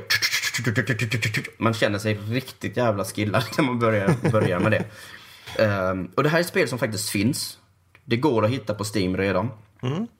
Eh, för det de var ute efter egentligen där, de var med i en sån här Discovery-tävling. Det var att de ville ha mer, um, vad heter det, Eh, vad kallar man det? De ville ha uppmärksamhet, alltså marknadsföringshjälp och sådana grejer. Ja, okej. Och så ville de ha eh, hjälp för att kunna få ut det på Playstation VR. Nu var det inte de som vann Discovery-grejen. Men jag gillar det här spelet jättemycket. Jag tyckte det var superkul. Och jag kommer lätt skaffa det liksom till föreningen redan nu. Eh, Men vad roligt. Alltså, nu har vi fått både en inblick till själva mässan, eh, om man så säger, samt lite av spelen som fanns där. Sen kommer måste- du gå nästa år? Ja, ja, absolut. Det här var mitt tionde år. Då så. Då är det Ja, ju vi- inte en fråga. Så det är ju klart jag kommer här, tillbaks. Det är, eh, jag måste också bara lägga till den sista, ett, ett spel som hade en grym titel. Regional Nightclub Bouncer. A Post-Brexit Musical Road Trip Thriller. Wow. Den är. Och, det, och, det var, och det är typ Papers, Please. Aha, fast med, okej. som en bouncer som kollar ID och grejer. Det finns sådana koncept man kan göra med VR. Och Det är skitkul att se alla de här. Fast det var inte VR. Det var inte det var VR. inte VR. Det var en helt st- standard liksom. Men jag, tycker att det här är ett väldigt smart sätt att gå vidare med vad VR kan göra. Mm. Och jag ser många utvecklare nu verkligen utnyttja det här som är unikt med VR som volym, rymd och tempo. Mm. För att du kan jobba mycket snabbare i VR just för att det är dina rörelser. Och det finns så stor precision i rörelser i VR. Eh, och just det här nu med att asymmetriskt spelande tycker jag, tummen upp. Jag, jag gillade så gott som alla de idéerna de hade där. Mm. Så det var väl Skitkul. min trend som jag tog med mig därifrån. Ja. Men eh, vad kul. Eh, vi tar helt, helt enkelt och rundar av där också. Men eh, är det så att ni faktiskt har några ytterligare frågor om just Nordic Game till Alexander, varför inte höra av direkt till honom? Du kanske har en mail som... eh, Eh, mail är... Jag vet inte Om du jag har min privatmail. nej, men jag tänkte om du har inte något via Pep? Eh, Filmpepp? Pep Pau. Pau Pau? Jo, alltså vi har en adress som heter hej at paupau.se. Men problemet är att du kommer få ett meddelande som säger att det har studsat tillbaks till dig. Men det har det inte. Jag har Nej, okej. sett det. Men det kommer att säga det. Eh, annars finns det på dogma understreck i eh, Twitter. Jättebra. Men då så. Vi hoppar vidare till den sista delen som är lyssnarmail där vi har Ja. fått in ett par Det frågor. börjar bli ett långt program det här. Ja, men eh, är tacksam för att du vill ha mig så länge. ja, absolut. Lugnt, vi skickar en Eh. räkning sen. Jaha, Danny, vill du ta lyssnarmailen eller? Yes, jag tar lyssna med nu. Vi har först ett här från Johannes. Hej Nördliv! Nu hör jag av mig igen.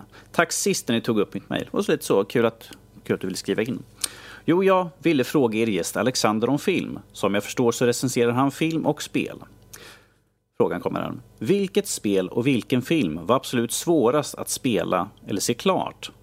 Har han haft tillfällen då det helt enkelt tagit emot så mycket eh, att spela spelen i fråga och se klart en film? I så fall nämn varsitt spel och film. Ja, alright. Jo, eh, okej, när det kommer till film så ger jag väldigt sällan upp. Jag är inte den som går ut på bio, jag är inte den som bara lämnar en biosalong. När jag hör folk göra det så bara, what? Men jag ger inte upp på film, väldigt sällan. Men det har hänt några gånger. Och vissa saker tycker jag är fullständigt legit, andra inte kanske. Bara för att dö, bara för att jag inte ville. Eh, men jag gav inte upp på den här filmen till exempel, uh, 10,000 BC. Men jag var nära. Jag var verkligen så här, alltså jag pallar inte. Men jag bara, jag har hyrt den, jag ser klart den. Eh, Alexander och en annan som jag tyckte var bara, åh, den är snart, snart slut. Och så kollade jag på klockslag, alltså på timern på, eh, på f- filmen. Och så var det en och en halv timme och så kollade jag på fodralet, tre timmar. Jag bara, oh my god, den har ju slutat redan, vad är det som händer? Lång, Eh, lång och sen-. Och sen så slutade jag titta efter en kvart på någonting som hette ehm, Battle Los Angeles. Men Ah. jag trodde det var Battle Los Angeles först, att jag hade hyrt.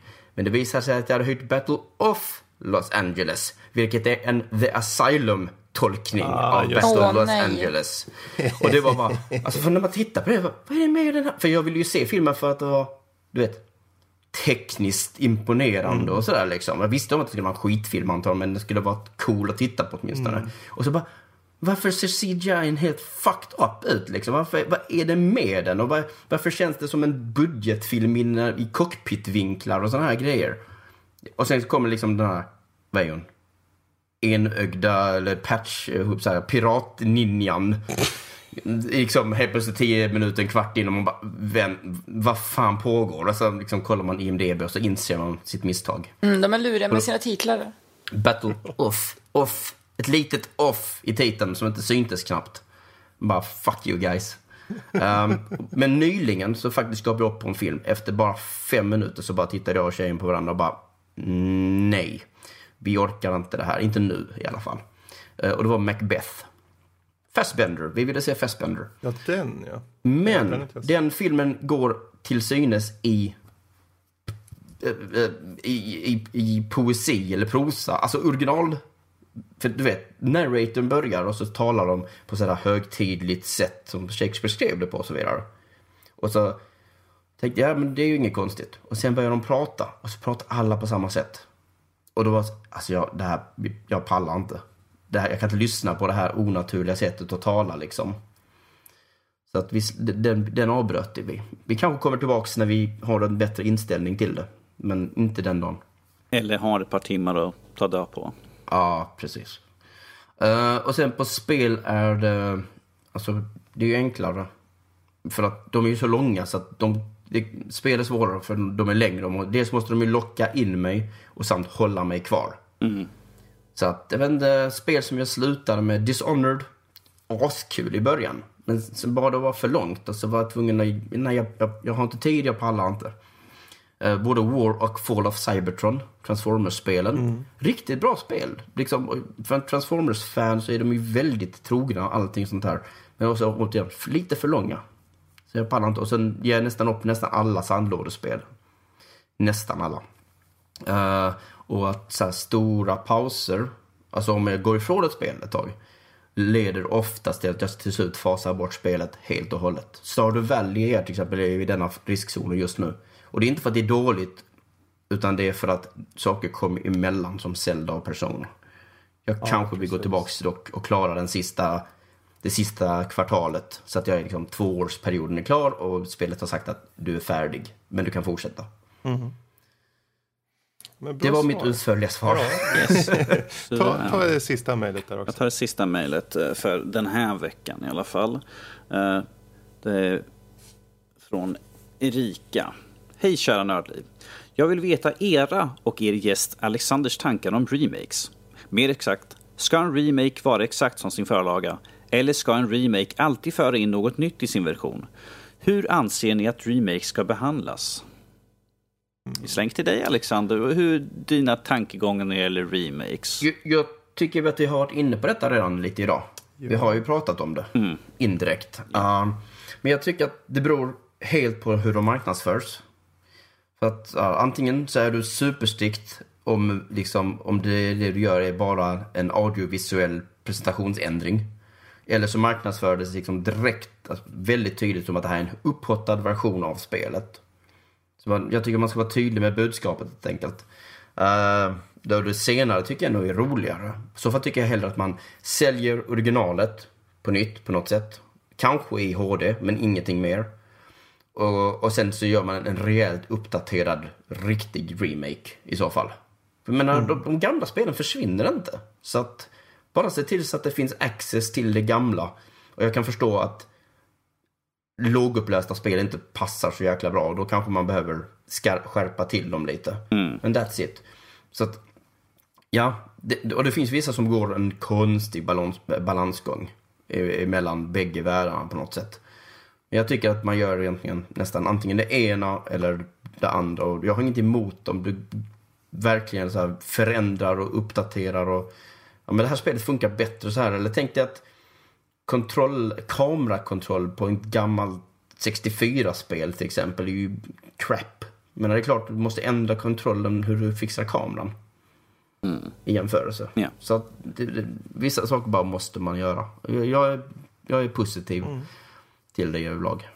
Jag, jag tycker att när det gäller, att, när det gäller sådana här remakes så ska man tänka på ifall man vill ha en remake eller en reimagining. Uh, Mm, mm, mm, precis. är ju väldigt viktigt att komma ihåg att det är faktiskt två väldigt skilda saker. Den ena är liksom bara, precis som den förra, bara i nyare tappning nästan. Den andra är liksom med nya idéer, kanske något nytt inslag. Um, om vi pratar spel på remakes, då ren remakes, så brukar det vanligtvis bara vara den här HD-uppdateringen vi brukar få, vilket jag tycker...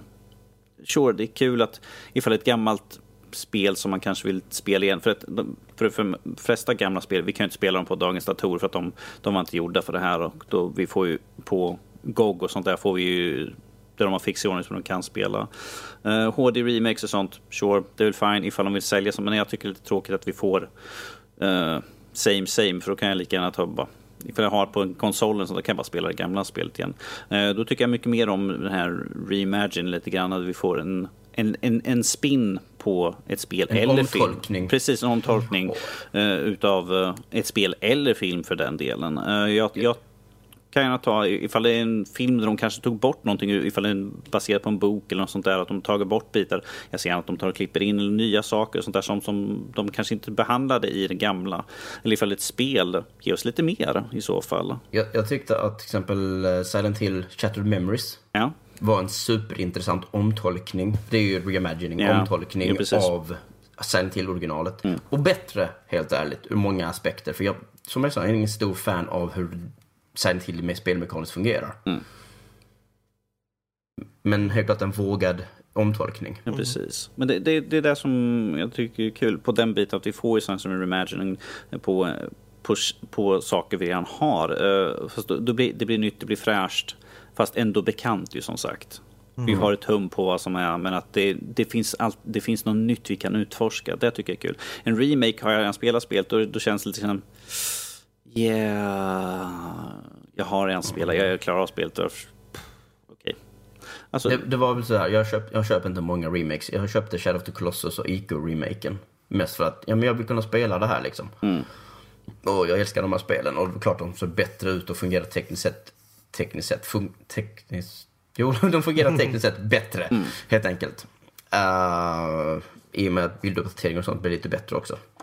Och det behöver Shadow till exempel. Precis, ja, precis. Det är ju liksom, när, ska de göra en remake, se till att fixa det som var, som var trasigt i originalet. Vanligtvis när de gör en remake, ibland, för, nu kommer jag inte ihåg vad det var för något spel, men de hade gjort en hård remake på någonting där de hade fört över de problemen som hade funnits i originalen. För det var en HD-remake. Eh, Silent Hill-remaken var inte bra, till exempel. ja, nej. Har jag för mig. Den blev till och med sämre. Ja, jag för mig. Det var riktigt Just det, var ju där, det var ju där någonting med remake. dimman eller något sånt där som var helt fucked up. Eller Ja, något sånt där. ja. Eh, ja, precis. Nej, men alltså, för, för där tycker jag liksom att det här tycker jag är någonting som hela spelindustrin mer, mer kvalitetstest på sina saker och se att saker och ting funge- fungerar innan man släpper någonting. Ehm, vilket vi har märkt att det skulle behövas väldigt mycket mer. Men att eh, ifall man gör en HD-remake eller en remaster eller what, whatever. Se till att skiten fungerar i alla fall. Och, ta, och fixa de problemen som fanns i original. För all, de äldre spelen, de har problem som de inte kunde fixa för den tiden. Om vi tar det äldre, typ Playstation 2, de där, vi kunde inte få uppdateringar och sånt där skit. Se till att fixa sånt så att man kan avnjuta spel så som de var tänkta. Jag skulle vilja gå ännu längre bakåt och uh, ha remakes på många NES-spel för att wow. även om de hade no något uh, kul i grunden så led många av lite taskig grafik och dålig kontroll och kunde de fixa de sakerna med samma spel fast snyggare grafik och bättre mm. kontroll då skulle jag kunna tänka mig att spela om eller spela många NES-spel som jag inte har spelat förut. Jag, jag, vill du inte bara rent av ha en uppföljare då? Till exempel. En uppföljare? Ja, men alltså till exempel jag tycker att Ice Climbers är konceptuellt grymt. Mm. Men fan vad det spelar kast med det här väldigt stela hoppandet och så vidare. Men jag vet inte om jag vill spela det gamla spelet med bättre hopp. Nej. Då tror jag hellre bara ge mig ett nytt spel med bättre hopp. Ja. Jag skulle vilja spela till exempel det första Castlevania liksom, med mm. bättre hopp och... Ja, då har vi hoppet också. Ja, precis. precis. Hopp, hopp. Sån här, uh... Ja. Jag älskade ju, jag vet, jag vet inte när första remaken kom på konsol men jag tyckte det var väldigt roligt när Super Mario All Stars släpptes. Det var ju helt magiskt liksom. Med... Det var 93 eller något sånt här för mig. Ja. Mm. Att se de här 8-bitars spelen i 16-bitars grafik, det var jättefint. Mm. Och så tänkte jag att ja, men nu kanske det kommer typ Zelda och andra saker och den drömmen lever ju fortfarande kvar. Mm. Ja, nej, de kommer i styckbit istället. Ja. Styckvis. Bra, men där, där har vi ju svar helt enkelt till Erika. Mm. Um, och ja, vi får tacka för alla mejl som vi har fått in under veckan. Uh, riktigt stort tack. Um, men vi går lite mot avslut av avsnittet här och uh, jag får väl helt enkelt bara ge ett stort tack till Alexander som hade möjligheten och framförallt ville vara med. Jag precis uh. ville vara med. Jag frågade rakt ut, är det någon som vill ha en gäst? För att vara, väldigt uh, ärlig och tydlig. Ja. Uh, nej, men jag har inte poddat på ett tag. Men jag har ju poddat sedan 2006 och sånt liksom. Mm. På min gamla spelsida Gamecore och så vidare. Men det har blivit mindre på sistone. Och nu, har vi, och nu har vi avskräckt ifrån det igen. Nej, det här var jättekul. Jag tycker det här var skitkul. Det är bra, jag känner att jag sa, I still got it. Jag kan, jag kan fortfarande fungera i poddsammanhang och så vidare. Och är det som man vill hitta dig så hittar man dig vart? Åh, oh, gud. Ja, okej. Okay. Um, ehm, var vill man hitta mig? Jo, men okej. Okay. Twitter, uh, dogma understreck heter jag där. Och eh, som sagt, jag skriver på pow, pow, pow, alltså P-O-W, som powblocket tre gånger, .se. Eh, och där skriver vi om spel, men ur väldigt fokuserade perspektiv. Inga nyheter direkt, inga recensioner, utan den här saken är intressant med det här spelet och då vill jag skriva om den saken. Som att nu har jag skrivit om när, vad heter det, när kärleken falnar i Persona 5.